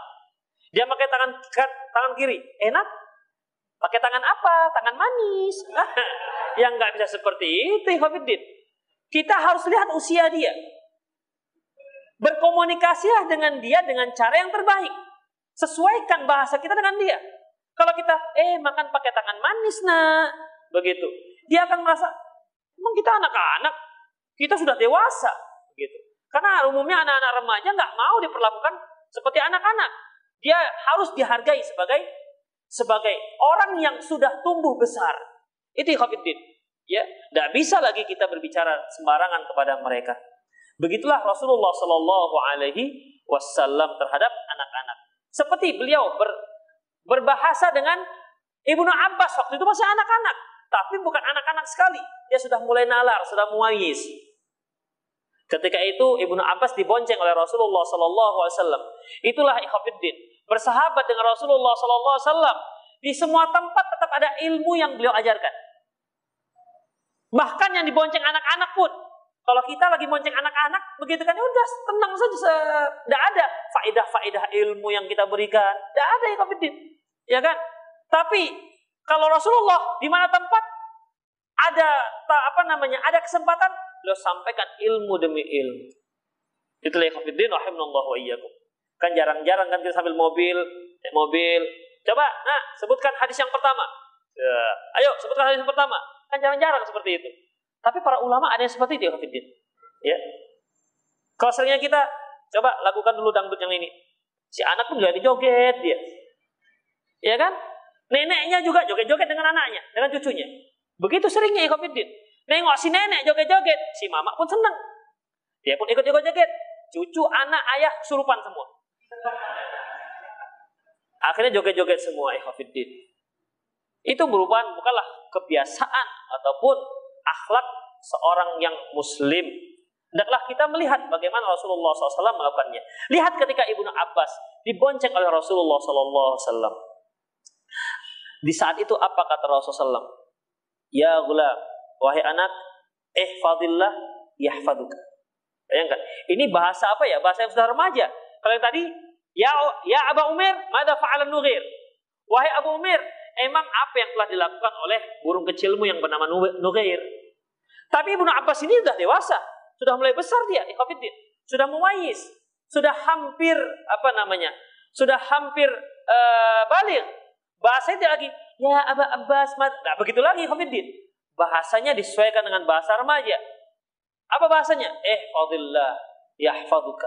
Jaga Allah. Niscaya Allah akan menjagamu. Bahasanya sudah meningkat. Ya, bahasanya sudah meningkat kualitas bahasanya. Eh, fadillah tajidu tujahat. Jagalah Allah, niscaya Allah akan menjagamu. Allah akan engkau akan dapati Allah berada di hadapanmu. Kalau bahasa ini kita kita ajarkan kepada anak TK. Anak TK K1A, apa TKA. Nah, jagalah Allah. Niscaya Allah akan jagamu. Jaga Allah gimana jaga Allah? Bukan bahasa dia. Ya, bukan bahasa dia. Kemudian Ikhwanuddin, Rasulullah menyebutkan beberapa nasihat-nasihat kepada Abdullah bin Abbas dan memang memang itu merupakan uh, derajat komunikasi yang cocok untuk si Ibnu Abbas radhiyallahu an. Kemudian kita lagi Ikhwanuddin, kita lihat lagi bagaimana Rasulullah SAW memberikan kedudukan kepada para remaja ya, meminta pendapat mereka. Agar sangat sampai mereka tersinggung karena tidak dihargai. Contohnya, hadis yang lain. Berkata Sahal bin Sa'ad, Sahal bin Sa'idi, anna Rasulullah SAW utiya bisyirabin fasyariba minhu. Nabi SAW diberikan minuman. Lantas beliau pun minum. Kemudian wa an yaminihi ghulam wa an yashari asyakh di sebelah kanan beliau itu anak-anak, seorang anak. Di sebelah kiri itu orang tua. Biasanya para sahabat Rasulullah minum, sisanya itu berebut. Ya, berebut. Kenapa? Berkah dari minum Rasulullah Sallallahu Alaihi Wasallam. Dan itu hanya untuk Rasulullah ya. Jadi jangan pula antum nanti ambil sisa air minum saya. Hmm. Itu saya bawa pulang nanti. Ini juga saya bawa pulang ini. Yang antum ambil juga. Demikian. Kalau Rasulullah direbuti oleh para sahabat. Permasalahannya, kalau kita memberi sesuatu, itu kan sebelah kanan duluan. Ya.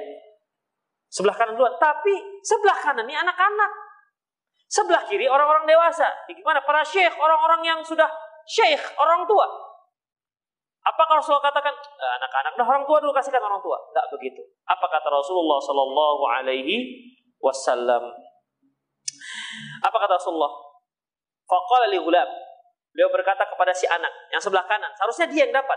Tapi masalah pertimbangan ada orang orang-orang tua yang ada sebelah kiri. Ata'dan li an haula? Eh, gimana kalau air minum ini kita kasih mereka dulu yang tua-tua? Uh, begitu. Itu Rasulullah Khofiddin. Padahal kalau Rasulullah berikan saja kan gak ada masalah sebenarnya. Tapi ini Khofiddin, beliau mengajarkan menghargakan anak-anak ini gimana? Gimana kalau sisa air minum saya ini kita berikan kepada orang tua gimana? Kemudian apa kata Sahal bin Sa'ad? Faqala al-ghulam, berkata si anak, La wallahi la uthiraka binasibi minka ahadat. Gak. Aku tak rela diberikan. Kalau masalah sisa air minummu, gak akan kurelakan ke orang lain. Harus aku yang dapat. Begitu. Yang tua-tua ya, jarilah. Begitu Ikhwanuddin. Kenapa? Ini anak cerdas. Berkah dari air Rasulullah SAW. Enggak. Kalau masalah ini enggak. Aku enggak akan redho diberikan kepada orang tua. Itu jatahku. Karena memang itu adabnya Ikhwanuddin. Diberikan di sebelah kanan. Aku di sebelah kanan Rasulullah kan. Seharusnya di mana? Kiri apa kanan? Kanan. Ya sudah, itu jatahku. Nah, aku kurelakan dia berikan kepada orang tua. Begitu Ikhwanuddin.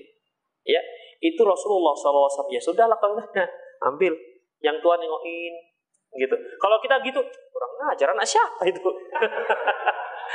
nggak mengalah dengan orang tua. Kan begitu jadinya ikhafidin tapi tidak dengan Rasulullah Shallallahu Alaihi Wasallam. Itulah dia kemudian kita lihat lagi. Beliau dengan putri beliau. Aisyah radhiyallahu anha pernah bercerita tentang tentang Fatimah radhiyallahu anha dan Rasulullah SAW bagaimana muamalah antara Rasulullah dan putri beliau. Padahal ini uh, Fatimah sudah menikah. Sudah menikah kan sudah dewasa. Tapi bukan berarti setelah dia dewasa dia sudah keluar dari status sebagai anak enggak. Yang walaupun sudah dewasa, anak tetap anak.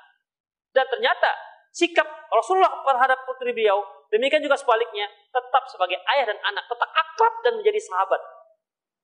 Kita lihat apa kata Aisyah radhiyallahu. Ma ra'aitu ahad ashbaha simatan wadallan wa hadiyan bi Rasulullah min Fatimah binti Rasulullah. Aku tidak pernah tidak melihat ada orang yang persis seperti Rasulullah, baik dalam jalannya, tingkah lakunya, gerak-geriknya melebihi yang seperti Fatimah radhiyallahu anha. Jadi putri beliau itu persis seperti Rasulullah, gerak-geriknya, senyumnya, ya, cara jalannya persis seperti Rasulullah SAW. Kemudian fikiyamiha ketika berdiri, wa dan ketika duduk persis seperti Rasulullah sallallahu alaihi wasallam. Qalat Aisyah berkata, "Kanat idza dakhala 'ala Nabi sallam qama ilaiha faqabbalaha wa ajlasaha fi majlisi."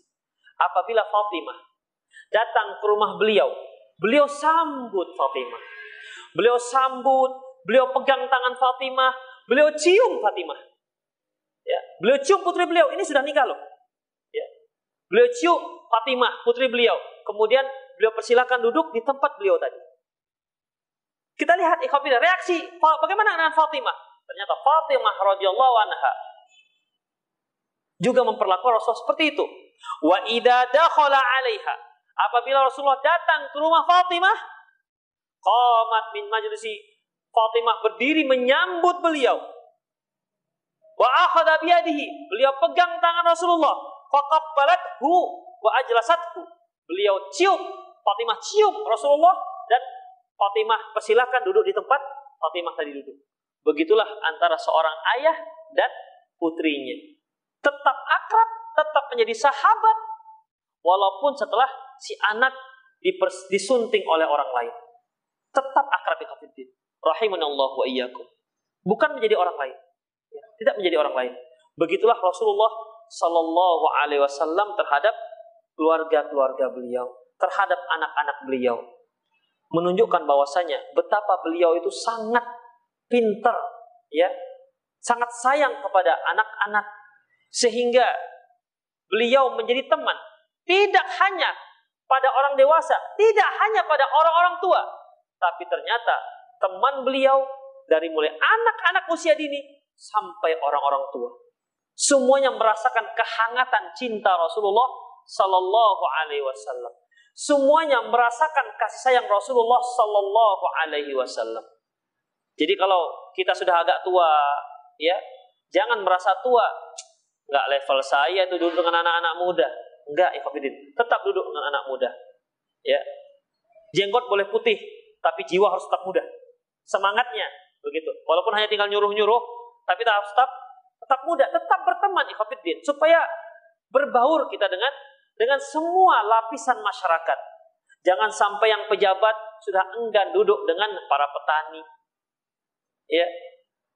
Tidak biasanya sebelum jadi pejabat duduk di warungnya dia. Sekarang sudah jadi pejabat, gak mau lagi duduk di warung. Apa pejabatnya? Pejabat masih pejabat lurahnya. Ya. Sekretaris lurah masih. Udah nggak mau duduk lagi, ngobrol lagi, itu salah ikhafidin. Rasulullah SAW tidak seperti itu. Jadi ya, kalau antum ada di sini RT, tetaplah ngobrol dengan kita kita yang rakyat-rakyat jelata ini, ya. Jangan kita RT, RT, ya Allah RT saja gimana kalau camat, calon mati semuanya. Itulah ikhafidin. Begitulah Rasulullah SAW. Sehingga beliau menjadi sahabat. Kalau sudah menjadi sahabat, sahabat itu artinya ikhafidin, tempat curahan hati, tempat kita merasa kehangatan kasih sayang, tentunya dia akan senantiasa menjadi idola. Tapi awas, bagi orang tua, bagi orang tua, ketika dia ingin menjadikan diri dia sebagai idola anak-anaknya, ya, pertama, jangan sampai ketika mengarahkan anaknya, jangan sampai dia melarang apa yang dia lakukan sendiri. Jangan sampai Jangan sampai dia menyuruh yang tidak dia kerjakan sendiri. Ini akan merusak persahabatan. Ini akan mencoreng diri kita sebagai idola terhadap anak-anak. Misalnya ini, kita suruh anak-anak, nah, kadang-kadang kan anak-anak tuh sering nanya uminya, Ya, Mi-nya. Mi, mana ini roknya? Jilbabnya mana? Kita nasihat, nak, Umi itu sibuk mandirilah cari sendiri. Udah. Kitanya, nih kaos kaki mana ini? Kok sebelah aja yang ada? Itu mungkin si anak, Pak, Pak tadi ya awak tadi jilbab suruh cari sendiri. Bapak kaos kaki sebelah pun masih cari Umi. Begitu. Itu kan anak itu kan bisa menilai. Ya, anak itu bisa menilai. Ini kan ikhafidin. Apalagi terkait dengan masalah adab. Kita lihat anak kita makan pakai tangan kanan, ah, pakai tangan kiri. Nah, eh jangan pakai tangan kan kiri, pakai tangan kanan. Ya, kita nasihati kalau bisa nasihat itu pakai hadis. Nah, jangan pakai tangan kiri. Kenapa? Qala Rasulullah sallallahu alaihi wasallam. Begitu Rasulullah bersabda, "La yaqulanna ahadukum bisyimali wa yashrabanna biha fa inna syaitan yashrabu yaqulu biha." Janganlah salah seorang kalian makan dan minum pakai tangan kiri, karena sesungguhnya setanlah yang makan dan minum pakai tangan kiri. Kalau bisa seperti itu. Jadi oh, kalau Rasulullah, kalau Rasulullah. Masya Allah kan? Ya. Jadi yang didengar dari abinya itu kalau Rasulullah, kalau Rasulullah begitu. Kalau nggak hafal harapnya ya pakai apanya ya terjemahannya. Demikian Khafidin. Jangan, nah, jangan pakai tangan kiri, pantang. Pakai tangan manis. Manis, apa yang manis?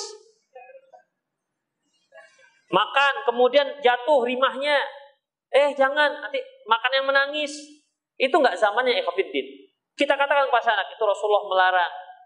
Tidak saqata luqmatu ahadikum falyakhudhu apabila ada jatuh makanan kalian ambil dia.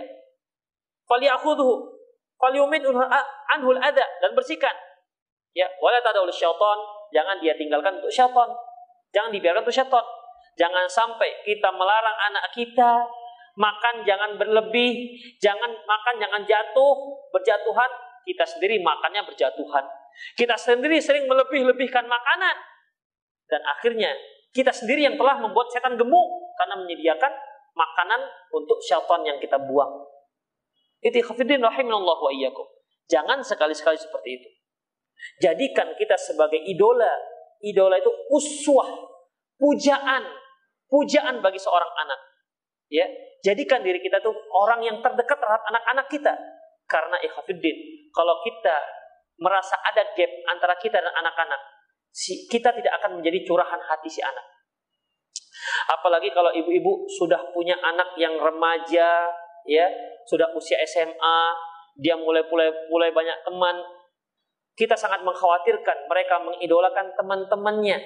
Mereka lebih mendengar mendengar arahan temannya ketimbang arahan uminya. Dikarenakan apa?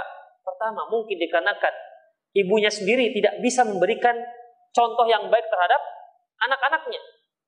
Ibunya sendiri tidak bisa memberikan arahan yang baik terhadap anak-anaknya. Memberikan contoh, tapi ngarahkannya nggak baik, ikhwatiddin. Gemes saja bawaan si, si ibu. Bisa saja seperti itu. ya Karena nggak sabar dalam mengarahkan anak-anaknya. Jangan sampai seperti itu, ikhwatiddin. Rahimnallahu iyyakum. Karena kalau anak kita sudah salah dalam mengambil idola, naudzubillah min dalik. Itu sangat berpengaruh terhadap terhadap tingkah lakunya, cara berpakaiannya, onjak jalannya juga bisa beda. Onjakan jalannya, ya. Kalau dia misalnya idolanya apa misalnya? Kungfu misalnya. Saya perhatikan anak-anak yang idolanya kungfu. Itu sambil jalan cat cat cat cat cat, cat begitu ya Covid. Ya, itu dia. Tapi kalau idolanya Musa, sambil jalan dia apa Quran. Itu dia Khofiddin. Idolanya misalnya orang India, film-film India, ya sudah nyanyi aja kerjanya. Ya, kucu-kucu hotahilah, apalah. Itu di mana-mana akan disebutkan.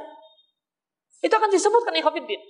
Makanya coba perhatikan anak-anak kecil kita. Sambil jalan dia nyanyi-nyanyi.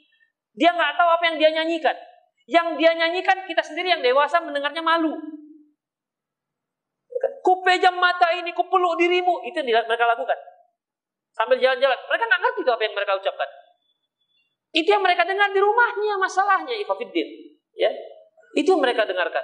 Akhirnya Ikhofiddin mereka lebih senang dengan artis-artis.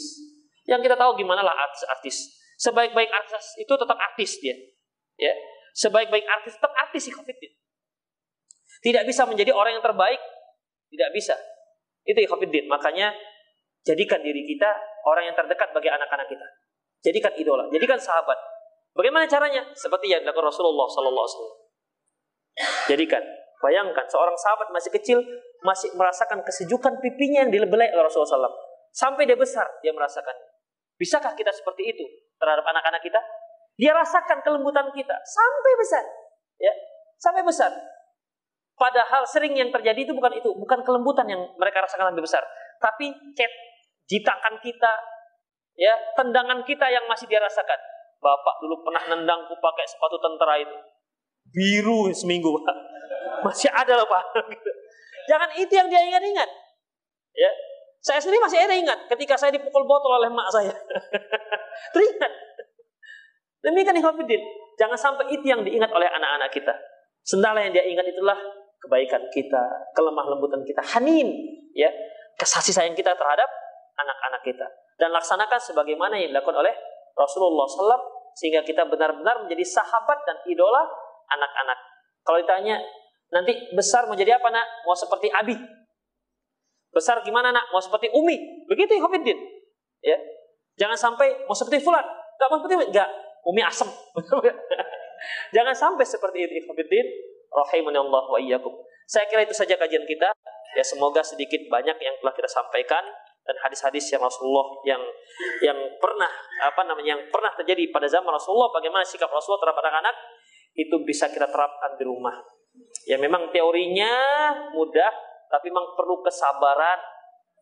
Perlu kesabaran yang sangat ekstra ketika kita berhadapan dengan anak-anak.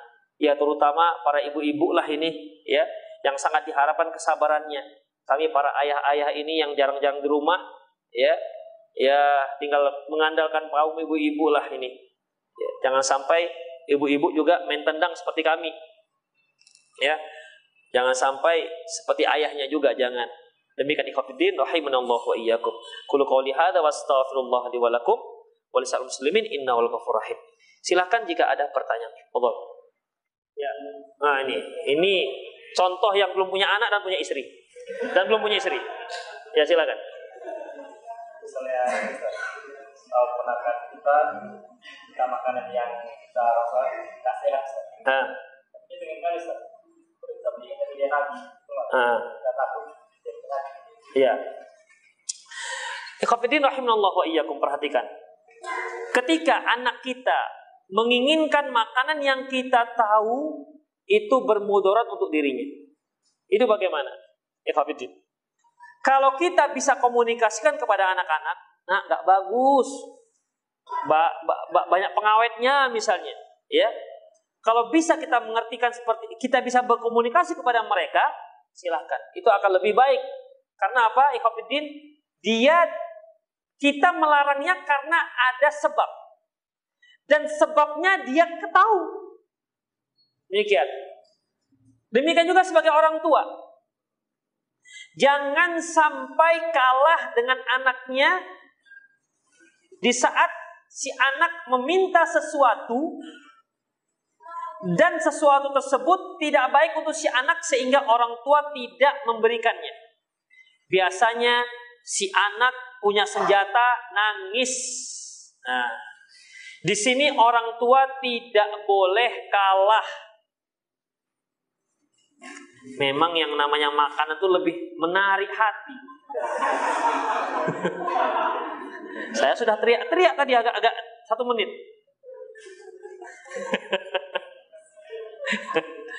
Begitulah Hafidin, sesuatu yang menarik hati itu selalu menarik pandangan juga.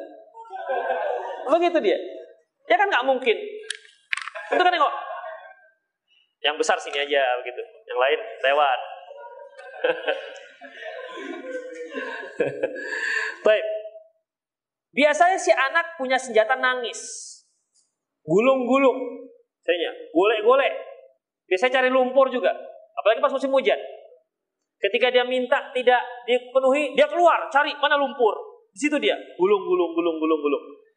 Ya kita kan kalah, seringnya kalah. Kenapa? Malu lihat tetangga, masa anak ustadz gulung-gulung di lumpur, misalnya begitu.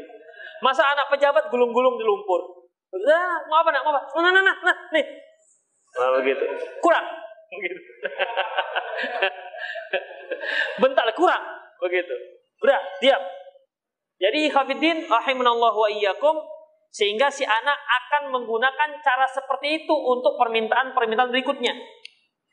Terkadang mereka, bukan terkadang, sering juga mereka mengambil kesempatan ketika ada tamu. Biasanya, Pak, seribu Pak. Ada tamu, Pak, lima ribu Pak.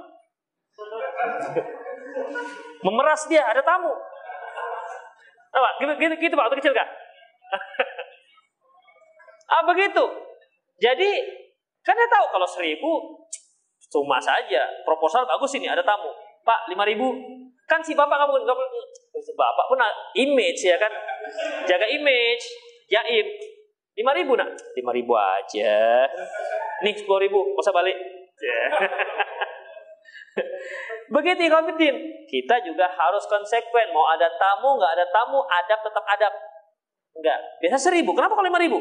Mau beli apa? Es, nggak boleh. Nanti. Begitu Ikhwanuddin, adab tetap adab. Mau ada tamu, nggak ada tamu. Ngapain kita jaga-jaga image untuk untuk tamu sementara anak kita anak kita bisa rusak gara-gara itu. Ya, nggak apa-apa. Kita juga sebagai tamu harus banyak maklum. Galak juga Pak Ustadz rupanya. ya, jangan seperti itu. Hafidin rahimanallahu iyyakum. Jadi kita sebagai orang tua harus mengarahkan anak-anak. Mereka itu nggak ngerti apa yang terbaik untuk mereka. Nggak ngerti. Seperti kalau kita tanyakan kepada anak-anak, tanyakan anak siapa saja, coba tanya, nah mana lebih suka, belajar apa main? Pasti jawabannya main, namanya juga anak-anak. Sedangkan bapaknya saja kalau ditanya, mana suka bapak, kerja apa main PlayStation? Pilih PlayStation yang main bola itu. Atau mana maunya? Mana maunya? Kerja atau mancing? Pilihnya mancing, walaupun nggak dapat satu harian. Begitu aja. Masuknya saya sudah 30 ribu. Pan 30 ribu udah dapat satu kilo ikan lele. Di pasar tanpa nunggu-nunggu. Tapi begitu seneng dia. Ini melatih kesabaran. Dengan ikan dia sabar, dengan anak gak pernah sabar. Iya, dengan ikan seharian gak, gak, gak kena, sabar dia. Dengan istrinya, dek buat buat teh manis. Lama kali kau buat teh manis. Oh. Itu bukan melatih kesabaran, Ikhwafiddin. Sabar dengan ikan, iya. Ya. Begitulah ikhafidin rahimanallahu wa iyyakum. Tidak ada mancing itulah melatih kesabaran tidak ada. Itulah dia. Kita harus besar, harus pandai mengarahkan anak-anak. Karena anak-anak itu tidak mengerti apa yang bermanfaat untuk mereka. Kita lah yang mengarahkan. Tapi ingat, jangan pakai otoriter. Tetap kita arahkan. Sebabnya apa? Ya, nggak ngerti mereka sekali, arahkan dua kali terus sampai insya Allah mereka paham dan ikhafidin berikan kesan kepada mereka kita tidak memberi itu bukan dikarenakan benci kepada mereka tapi karena kita sayang dengan mereka itu dia ya ibu-ibu yang paling pandai masalah ini ya kita juga para bapak harus bisa juga ya walaupun tidak seperti ibu-ibu demikian yang lain silakan ya ya Aplikasinya Khafidin Rasulullah mengatakan muru auladakum bis salati wa fi sab'i sinin. Suruh anak kalian salat di saat mereka sudah berusia 7 tahun wa ribu alaihi wa fi asyra sinin. Pukul dia di saat mereka 10 tahun. Gimana? Kita Ikhafidin di saat usia anak kita sudah 7 tahun, itu sekitar kelas 1 atau kelas 2 SD, itu suruh, suruh, suruh, suruh, perintah saja. Ya, ajak, suruh. Di situlah kewajiban kita. Kewajiban itu ada pada orang tua, yaitu menyuruh. Adapun si anak belum wajib sholat. Ya, anak belum wajib sholat. Kalaupun kita katakan, nak sholat nak, ya mak. Nak dia set, dari pintu belakang main. Kita nggak tahu dia sudah sholat atau belum. Udah, dia nggak berdosa. Kita juga nggak berdosa. Kenapa? Kita sudah perintahkan. Ya, terus begitu. Tujuh, delapan, sembilan.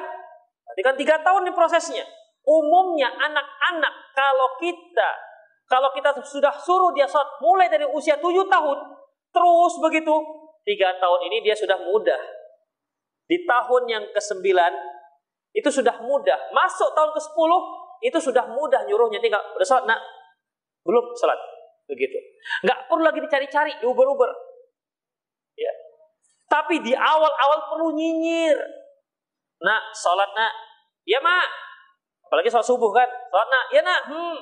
Hmm, udah gini dia. Udah naik badannya. Kita kira sudah bangkit dia. Kita pergi dia. Balik lagi. Mana anak tadi ini? Udah. Rupanya masih dalam selimut. Eh, sholat. Memang begitu harus nyinyir. Nyinyir itu apa bahasa Indonesia? Cerewet. Kalau cerewet tuh kurang enak kedengarannya. Nyinyir lah. Terus. Eh, kok belum sholat? Terus sholat sampai dia sholat. Begitu Covid itu tiga tahun sampai empat tahun prosesnya. Insya Allah, ya, insya Allah di usia ke sepuluh dia sudah mudah. Makanya kalau usia sepuluh juga belum mau prosesnya, kan bengal kali berarti ini anak. Ya mungkin tiru bapaknya lah. Ya, tiga tahun prosesnya, nyinyir seperti itu, belum juga. Berarti ribu alaiha wa fi asyr sinin pukul dia Ya pukulnya itu bukan pukul-pukul meng, meng, menyakiti, ya pukul menakut. Bapak pukul ya. Nanti kalau enggak, bapak pukul begitu. Ya sedar sakit. Makanya Ibu Abbas apa namanya menyebutkan itu pukulan itu untuk mengajar, bukan menghajar. Ya, nggak boleh pukulan meninggal, meninggalkan bekas. Ya, 10 tahun anak yang nggak sholat, kemudian dipegang si anak dihempas di lantai, Udah ku bilang nggak sholat, hmm, wah begitu. Ya, nggak begitu caranya ya Khafidin. Ini tetap proses pendidikan. Ya, Max McDonald. iya, ini tetap proses pendidikan. Tidak boleh seperti tetap dia dipukul, tapi pukul tetap sebagai pendidikan. Ya, pukullah tempat yang memang terasa sakit, tapi jangan membahayakan. Tak boleh pukul wajah. Ya, nggak boleh pukul wajah. Tampar, bebekas, sampai biru misalnya atau ditumbuk. Nah, kamu belum sholat juga 10 tahun umurmu. Ya, nggak boleh. Tetap dia rasakan sakit, tapi tempatnya nggak berbahaya. Di kaki kah, di telapak kaki kah, di telapak tangan kah ya, pukul dia. Boleh kafirin, ya, supaya dia mau sholat. Artinya dia sudah tahu ini nampaknya levelnya sudah dinaikkan ini pakai pukul. Selama tiga tahun nggak pernah mukul, Nah demikian. Tapi umumnya ikhafiddin. Kalau kita sudah mulai tujuh tahun dan cerewet tiga tahun itu, insya Allah yang ke sepuluh nggak perlu pukul. Insya Allah. Ya. Tapi cerewet ya. Jangan. Nah, sholat. Capek mak, ah, terserah koles itu. yang penting mama sudah bilang. Nah itu enggak, itu enggak jadi dia. Ya enggak jadi. Udah, suami dan istri harus kerjasama. Istrinya bilang, nak sholat nak, bangun subuh, udah masuk waktu nih. Kata, ayah, kata ayahnya, biarlah dulu dia, masih capek dia itu, ngantuk. Mbak tidurnya tadi malam jam 12 sama dengan, dengan bapak kemarin main PlayStation. Oh ini bapaknya loh main, main PlayStation. Biarkanlah, capek nanti aja jam 6 bangunkan. Ah, dah kacau kalau begini. Kalau ada begini rumah tangga kacau. Ya, si anak akan terus mencari pembelaan dari ayahnya. Begitu Ikhwanuddin. Kan berapa banyak di antara kita ikhwafiddin. Ketika si anak gak bangun, terlambat sholatnya, kita nggak ribut. Tapi coba kalau terlambat terlambat sekolah. Eh, ini jam berapa aja kok belum bangun-bangun? Cepat bangun bangun. Gak bangun juga, disiram air. Tapi kalau sholat nggak seperti itu. Ya kan? Kan nggak seperti itu. Berapa banyak di antara kita, anak-anak kita kuliah di luar kota sana. Tanya, gimana IP-mu? Sekian. Gak pernah tanya, gimana sholatmu? Bagus nggak? kawan-kawanmu gimana? Siapa kawan-kawanmu? Jangan-jangan anak funky-funky itu ya? Begitu. Udah, tengok bagus, soalnya bagus, begitu. Itu ikhwatiddin. Masalah IP itu nomor dua.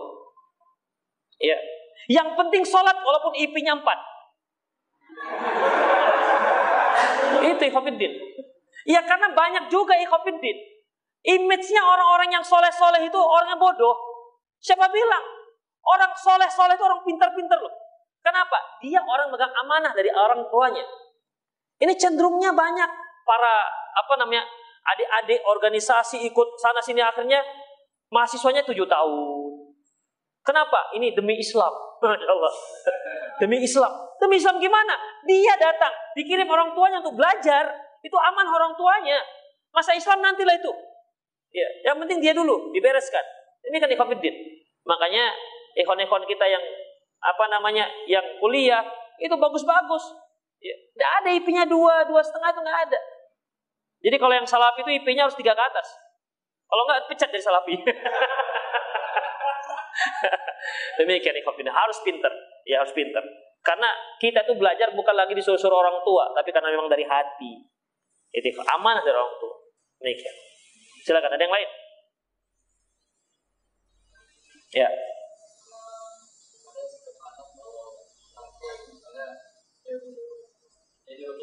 Uh, ya. Ikhwafiddin, bagaimana sikap seorang anak? Si orang tua nyuruh ke masjid, tapi dia nggak ke masjid. Iya. Tapi masih anak. Ya. Kalau si anaknya sudah faham, sudah faham, ya, terhadap agamanya, ya mungkin kalau sudah remaja, dengar pengajian, orang tuanya, nak, kamu sana ngaji, ngaji. Bapak tengok tuh yang ngaji-ngaji tuh bagus-bagus akhlaknya, kamu ngaji sana. Ya, bapak gimana? Ah, bapak kapan-kapan lah. Nak sana sholat masjid, bapak titip salam aja ya, insya Allah dengan imamnya begitu. Udah. Jadi si anak bagaimana? Si anak ya Khafidin, jangan bapak aja nggak ke masjid, apalagi aku. Bapak itu harus pandai menjadi orang tua kudua hasanah, nah, begitu kan? Nah, seperti itu ya Khafidin. Dia berusaha mengajak orang tua, loh pak, bapak juga ikutlah, ayo dengan awak begitu. Bapak eh, ke masjid, begitu. Karena dia sudah tahu. Nah demikian. Tapi Khafiddin rahimahullah wa iyyakum umumnya ya, umumnya orang tua yang menyuruh anaknya tapi dia tidak lakukan, ini nggak jadi anaknya. Karena si anak melihat, melihat ini orang tuanya nyuruh tapi dia sendiri tidak melakukannya. Karena biasanya yang namanya buah itu tak tak jauh jatuh dari pohonnya. Ya seperti mirip ayahnya. Kecuali ada satu-satu yang pohon itu memang buahnya itu beda. Ya, ini kalau bahasa saya ada satu-satu buahnya itu yang dibawa kampret. Jauh dari jauh dari batangnya. Jadi ayahnya preman, anaknya masya Allah solehnya luar biasa. Nah begitu. Jadi jatuhnya nggak pasti batangnya karena diambil kampret tadi itu jauh. Beda dengan ibu dan ayahnya. Ada yang seperti itu. Kenapa? Ternyata hidayah menyapanya. Mungkin dari teman. Karena ada yang seperti itu, Ikhwafiddin. Berapa banyak Ikhwafiddin orang tua itu akhirnya sadar dari anaknya? Berapa banyak? Terlalu banyak sudah kejadian seperti itu. Orang tua sadar dari anaknya. Juga Ikhwafiddin juga terlalu banyak, nggak kalah banyak juga anak-anak itu sadar dikarenakan orang tuanya. Jadi tinggal gimana anaknya. Kalau kita sebagai orang tua, kita posisikan sebagai orang tua, Ketika kita ingin menjadikan anak kita yang baik, maka kita orang pertama yang melakukan kebaikan. Tapi kalau kita, kalau kita sebagai anak yang sudah ketahui kebaikan, orang tua belum tahu, maka kita yang mengajak orang tua untuk kebaikan. Itu kafirnya. Jadi jangan pula kita membantah orang tua. Bapak pandainya ngomong, sana salat. Atau dia dakwai bapaknya, Pak duduk Pak. Innal hamdalillah nahmaduhu wa nasta'inu wa nasta'in dia ceramahin bapaknya. Ya, bapak nggak terima. Kau itu baru kemarin sore ngaji, bapak sudah berapa ulama dengan bapak. Tapi bapak nggak dapat hidayah, gitu aja. nah, demikian. Jadi lihat posisi kita sebagai apa. Ya, kalau kita sebagai orang tua yang menyuruh kebaikan, kita harus pertama. Kita sebagai anak ingin orang tua kita baik, kita yang pertama juga menunjukkan ke kebaikan. Demikian. Semakin mengaji, semakin berbakti kepada orang tua. Yang tadinya nggak pernah bantu emaknya cuci piring, setelah ngaji, mak mana piring lagi mak? Biar apa yang nyuci? Wah kan begitu. Oh, bagus sekali. Siapa ustadzmu itu? Kan gitu dia. itu Ada lagi silakan. Ini masih dua pertanyaan dari orang yang belum punya anak dan istri. Yang lain? Ya,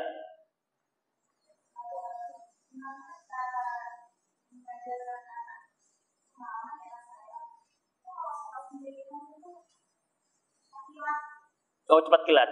Ya. Rata-rata gitu bu. Biasanya ibunya juga gitu waktu kecil. Oh iya, berarti lain berarti.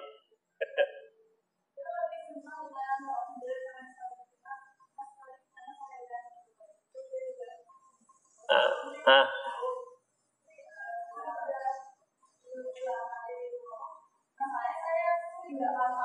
Berapa usianya bu? Tujuh tahun.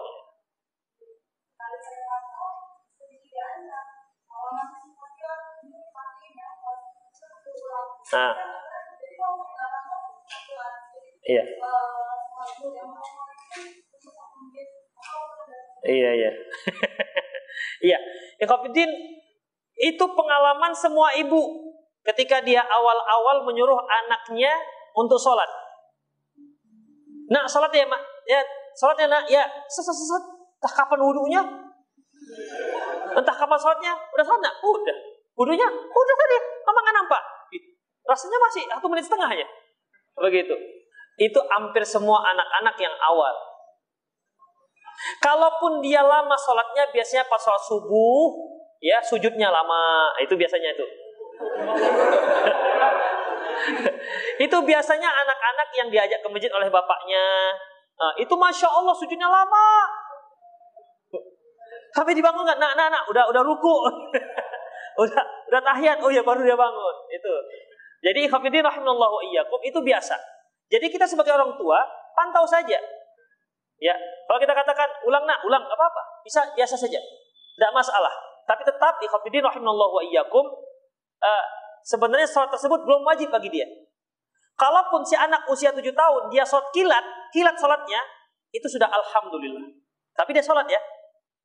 Sholat kilat itu alhamdulillah. Kita terus tingkatkan.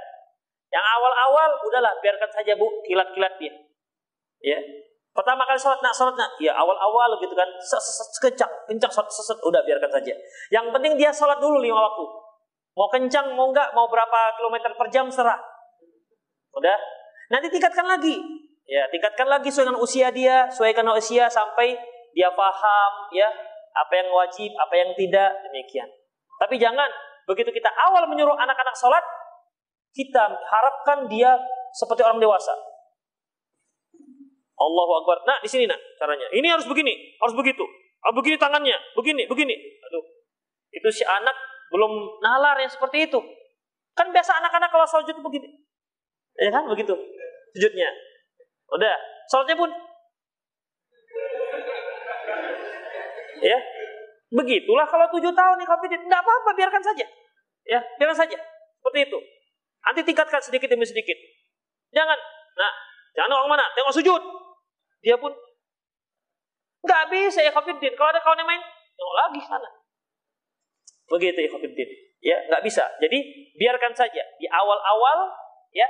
Yang penting dia rajin sholat lima waktu sehari semalam dia laksanakan. Nanti step by step, step demi tahap tingkatkan. Ya, baca apa tadi nak? Begitu. Baca apa tadi? Coba mama baca. Coba bacakan ke mama. Tadi baca surat apa? Begitu. Boleh tingkatkan pelan-pelan. Demikian. Gak usah langsung diancam-ancam. Demikian. Ya, insya Allah anak akan bagus. Yang lain? Ya. Ya.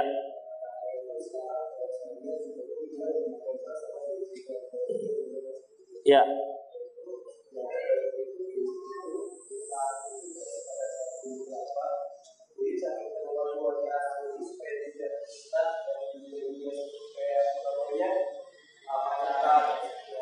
Hmm. Ikhwafidin mengenai gadget, jangan berikan kepada anak-anak. Untuk apa dia? Telepon. Kita dahulu, udah kuliah pun nggak pakai handphonenya. Iya kan? Nggak pakai handphone. Sudah tua-tua gini baru handphonenya dua. Kan begitu. Sebelumnya juga enggak. Anak-anak untuk apa kita kasih handphone? Mau ngapain dia? Kecuali untuk yang hal-hal yang perlu. Tapi kalau seperti smartphone, dia bisa internet, masya Allah. Dia belum bisa memilah dan memilih. Banyak yang bisa dia lihat di internet tersebut tanpa ada batasan dan tanpa ada kontrol dari kita.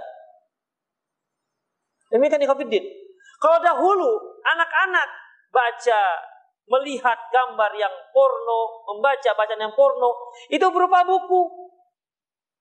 Kalau sekarang di Covid dia bisa kunci kamarnya. Dia buat password apa namanya uh, gadgetnya sehingga orang tuanya nggak bisa memantau. Jangan berikan. Lebih banyak merusak ketimbang manfaat. Ya. Lebih banyak merusak ketimbang manfaat. Kecuali jika anda memang perlunya, maka belikan sekedar perlunya. Belikan yang jadul-jadul itu. Yang harga 150 ribu atau yang 100 ribu. Udah, sekedar kita kalau nah di mana sekarang? Mama mau jemput, misalnya kalau di sekolah. Gitu kan? Adapun nanti dia masuk Instagram, punya Instagram. Sekarang masih masih kelas 5 SD punya Instagram, punya Facebook. Nanti punya apa lagi? Punya Twitter, punya WA. Nanti Facebook isinya cuma selfie aja. Nah, gini, yang gini, itu aja isinya. Begitu Hafid nggak ada manfaat sama sekali. Nggak usah kasih yang itu. Kalaupun kita perlu dia punya uh, apa namanya handphone, handphone sekedar apa perlunya? Apa perlunya? Demikian. Nggak perlu nggak usah. Misalnya, nah kalau nanti pulang sekolah biasa bapak jemput, tunggu di sini. Misalnya. Atau silakan main nanti bapak bapak cari begitu. Silakan. Tapi kalau memang kesulitan, misalnya, ya kadang-kadang nggak teratur pulangnya misalnya, udah kasihkan handphone satu. Sekedar untuk itu saja. Ada nomornya, tapi nggak ada pulsanya karena kita ngubungi. Begitu. Oh, ternyata perlu, perlu dia harus menghubungi kita misalnya. Udah kasih sekedarnya saja. Begitu Kafin, seperlunya ketika kita memberikan alat komunikasi kepada anak-anak. Tapi yang nggak ada perlu sekedar pegangan, ya anak-anak SMP, SMA itu kan nggak gara-gara pegangan. Apa ini? Ah, Oppo, nih iPhone, begitu. Jadi akhirnya anggar-anggaran pegangan. Demikian Ikhwanuddin. Akhirnya apa? Hari-hari begitu. Setiap duduk. Tawa sendiri, senyum sendiri. Dengan teman-temannya. Maknya juga gitu. Status baru. Kenapa? Grup macan, mama-mama cantik. Nanti bapaknya juga begitu. Masya Allah sibuk dengan gadgetnya masing-masing. Nah, demikian ikhwafiddin. Jadi, berikan boleh, tapi seperlunya. Tapi seperlunya. Kadang-kadang ikhwatuddin, anak-anak itu kan dengan beralasankan pelajaran di sekolah, belajar komputer, internet. Itu dia. Minta belikan bapaknya, minta belikan laptop, sekalian modem. Itu dia. Udah akhirnya ngapain nak? Kerjaan, sekolah, gitu. Padahal chattingan, apalah namanya ikhwatuddin. Nanti mak, ini ada ikhwat. Coba Bapak mau pinjam sebentar laptopnya. Udah dipinjam, nggak bisa. Pakai kenapa? Ada password. Demikian. Ini kok ada password? Iya, ini mana kerjaan sekolah nggak boleh dipegang yang lain. Itu kan mencurigakan. Ya, mencurigakan. Makanya ibu dan bapak jangan sampai kalah teknologi dengan anak-anak. Kita harus bisa bongkar-bongkar tuh HP anak. Kalau memang udah kadung si anak diberikan diberikan HP, kita harus pintar untuk bongkar-bongkar. Jangan, nah ini apa nih Pak Cebo, Pak Cebo, nak? Facebook Pak Cebo, baca juga salah. Nah demikian. Ya, ada yang lain? Ya. Oh iyalah, yang anak dulu satu ah. Jadi kalau orang dulu itu kan biasa kalau dinasihati atau dimarahi dia nggak berani nengok mata orang tuanya. Tapi kalau orang Iya. Nah, pertanyaannya anak dulu beda dengan anak sekarang. Kalau anak dulu ketika dimarahin orang tua dia tunduk. Anak sekarang ketika dimarahin orang tua melotot. Itu apa bedanya? Bedanya karena pendidikan rumah tangga yang salah. Mengapa anak-anak dahulu ketika dinasihat orang tua ditunduk? Karena orang tua yang nyuruh. Nah, kalau bapak kasih nasihat tunduk. Begitu. Kenapa anak sekarang? Karena nggak ada yang ngarahkan. Kalau nggak diarahkan, mana tahu mereka? Nggak bisa insting-insting begitu saja datang. Diajarkan pada mereka. Ya, diajarkan pada mereka. Kalau mama ngasih nasihat, jangan nantang. Tunduk, dengarkan bagus-bagus, resapi. Begitu. Diajarkan anak begitu. Ya, diajarkan anak begitu. Demikian Ikhwanuddin. Kalau nggak diajarkan, nggak tahu dia. Itu aja bedanya Ikhwanuddin. Ya, karena bagaimanapun yang namanya anak dahulu, anak sekarang itu sama. Lahirnya itu tetap fitrah. Kullu mauludin yuladu al fitrah. Setiap anak itu lahir dalam keadaan suci. Fa abawahu yuhawidanihi wa yumajjisanihi wa, yu, wa, wa. Setiap anak itu lahir dalam keadaan suci. Kedua orang tuanya lah yang membuat dia Yahudi, Nasrani dan Majusi. Gitu. Tinggal pola apa yang digunakan orang tua, bentuk apa yang akan diberikan kepada orang tua untuk membentuk si anak dia bentuk buruk, baik itu tinggal orang tuanya. Intinya adalah usaha dari orang tua. Demikian. Bedanya memang iklimnya suasana lingkungan. Kalau dahulu pengaruh tidak sehebat sekarang. Ya. Kalau dahulu paling tuh pengaruh teman-teman. Sekarang bukan hanya teman-teman sekitar, tapi teman-teman yang jauh pun juga mempengaruhi. Informasi-informasi yang tiada batas juga me mempengaruhi si anak. Dia bisa dapat informasi-informasi yang buruk jika dia tidak punya filter. Itu juga sangat mempengaruhi. Kemudian ikhwatiddin, setan juga memberikan ide-ide. Ya, ide-ide. Ini gini caranya, ini gini caranya, ini gini caranya. Makanya ikhwatiddin capek Menteri Kominfo untuk memblokir semua situs-situs porno, ada saja yang bisa. Ya. Bisa saja, tetap ada saja yang yang apa namanya yang lepas, tetap saja diketahui oleh orang-orang yang mau melihatnya. Itu ikhwatiddin. Ada bisikan. Coba picit ini, tak picit yang ini. Nah, kan betul, dapat kan? Nah, itu dia. Kau tahu antum? Pengalaman? Nah, itu dia. Ada lagi ibu-ibu pertanyaan? Silakan Bu. Ya ikhwatiddin rahimanallahu wa iyyakum. Dan memang kalau kita bicara masalah pendidikan itu bukan untuk satu hari dua hari, bukan dua hari tiga hari, bukan tiga hari empat hari, tapi tahunan. Membutuhkan kesabaran yang luar biasa terhadap pendidikan anak-anak. Demikian, kesabaran yang luar biasa.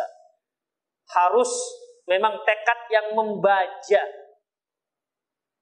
Harus memiliki kesabaran bagaikan apa namanya baja yang takkan pernah cair dengan panas apa pun. Itulah dia. Ya, itulah dia. Makanya jangan sampai kita kalah dengan syaitan. Jangan sampai kita kalah dengan iblis yang senantiasa ingin merusak diri kita dan anak-anak kita. Demikianlah ikhwatiddin rahimallahu wa iyyakum. Lebih dan kurang saya mohon maaf. Faqulu qawli hadza wa astaghfirullah li wa lakum wa lisal muslimin innahu ghafurur rahim. Subhanakallahumma rabbana wa bihamdik asyhadu an la ilaha illa anta astaghfiruka wa atubu ilaik. وآخر دعوانا الحمد لله رب العالمين. السلام عليكم ورحمة الله.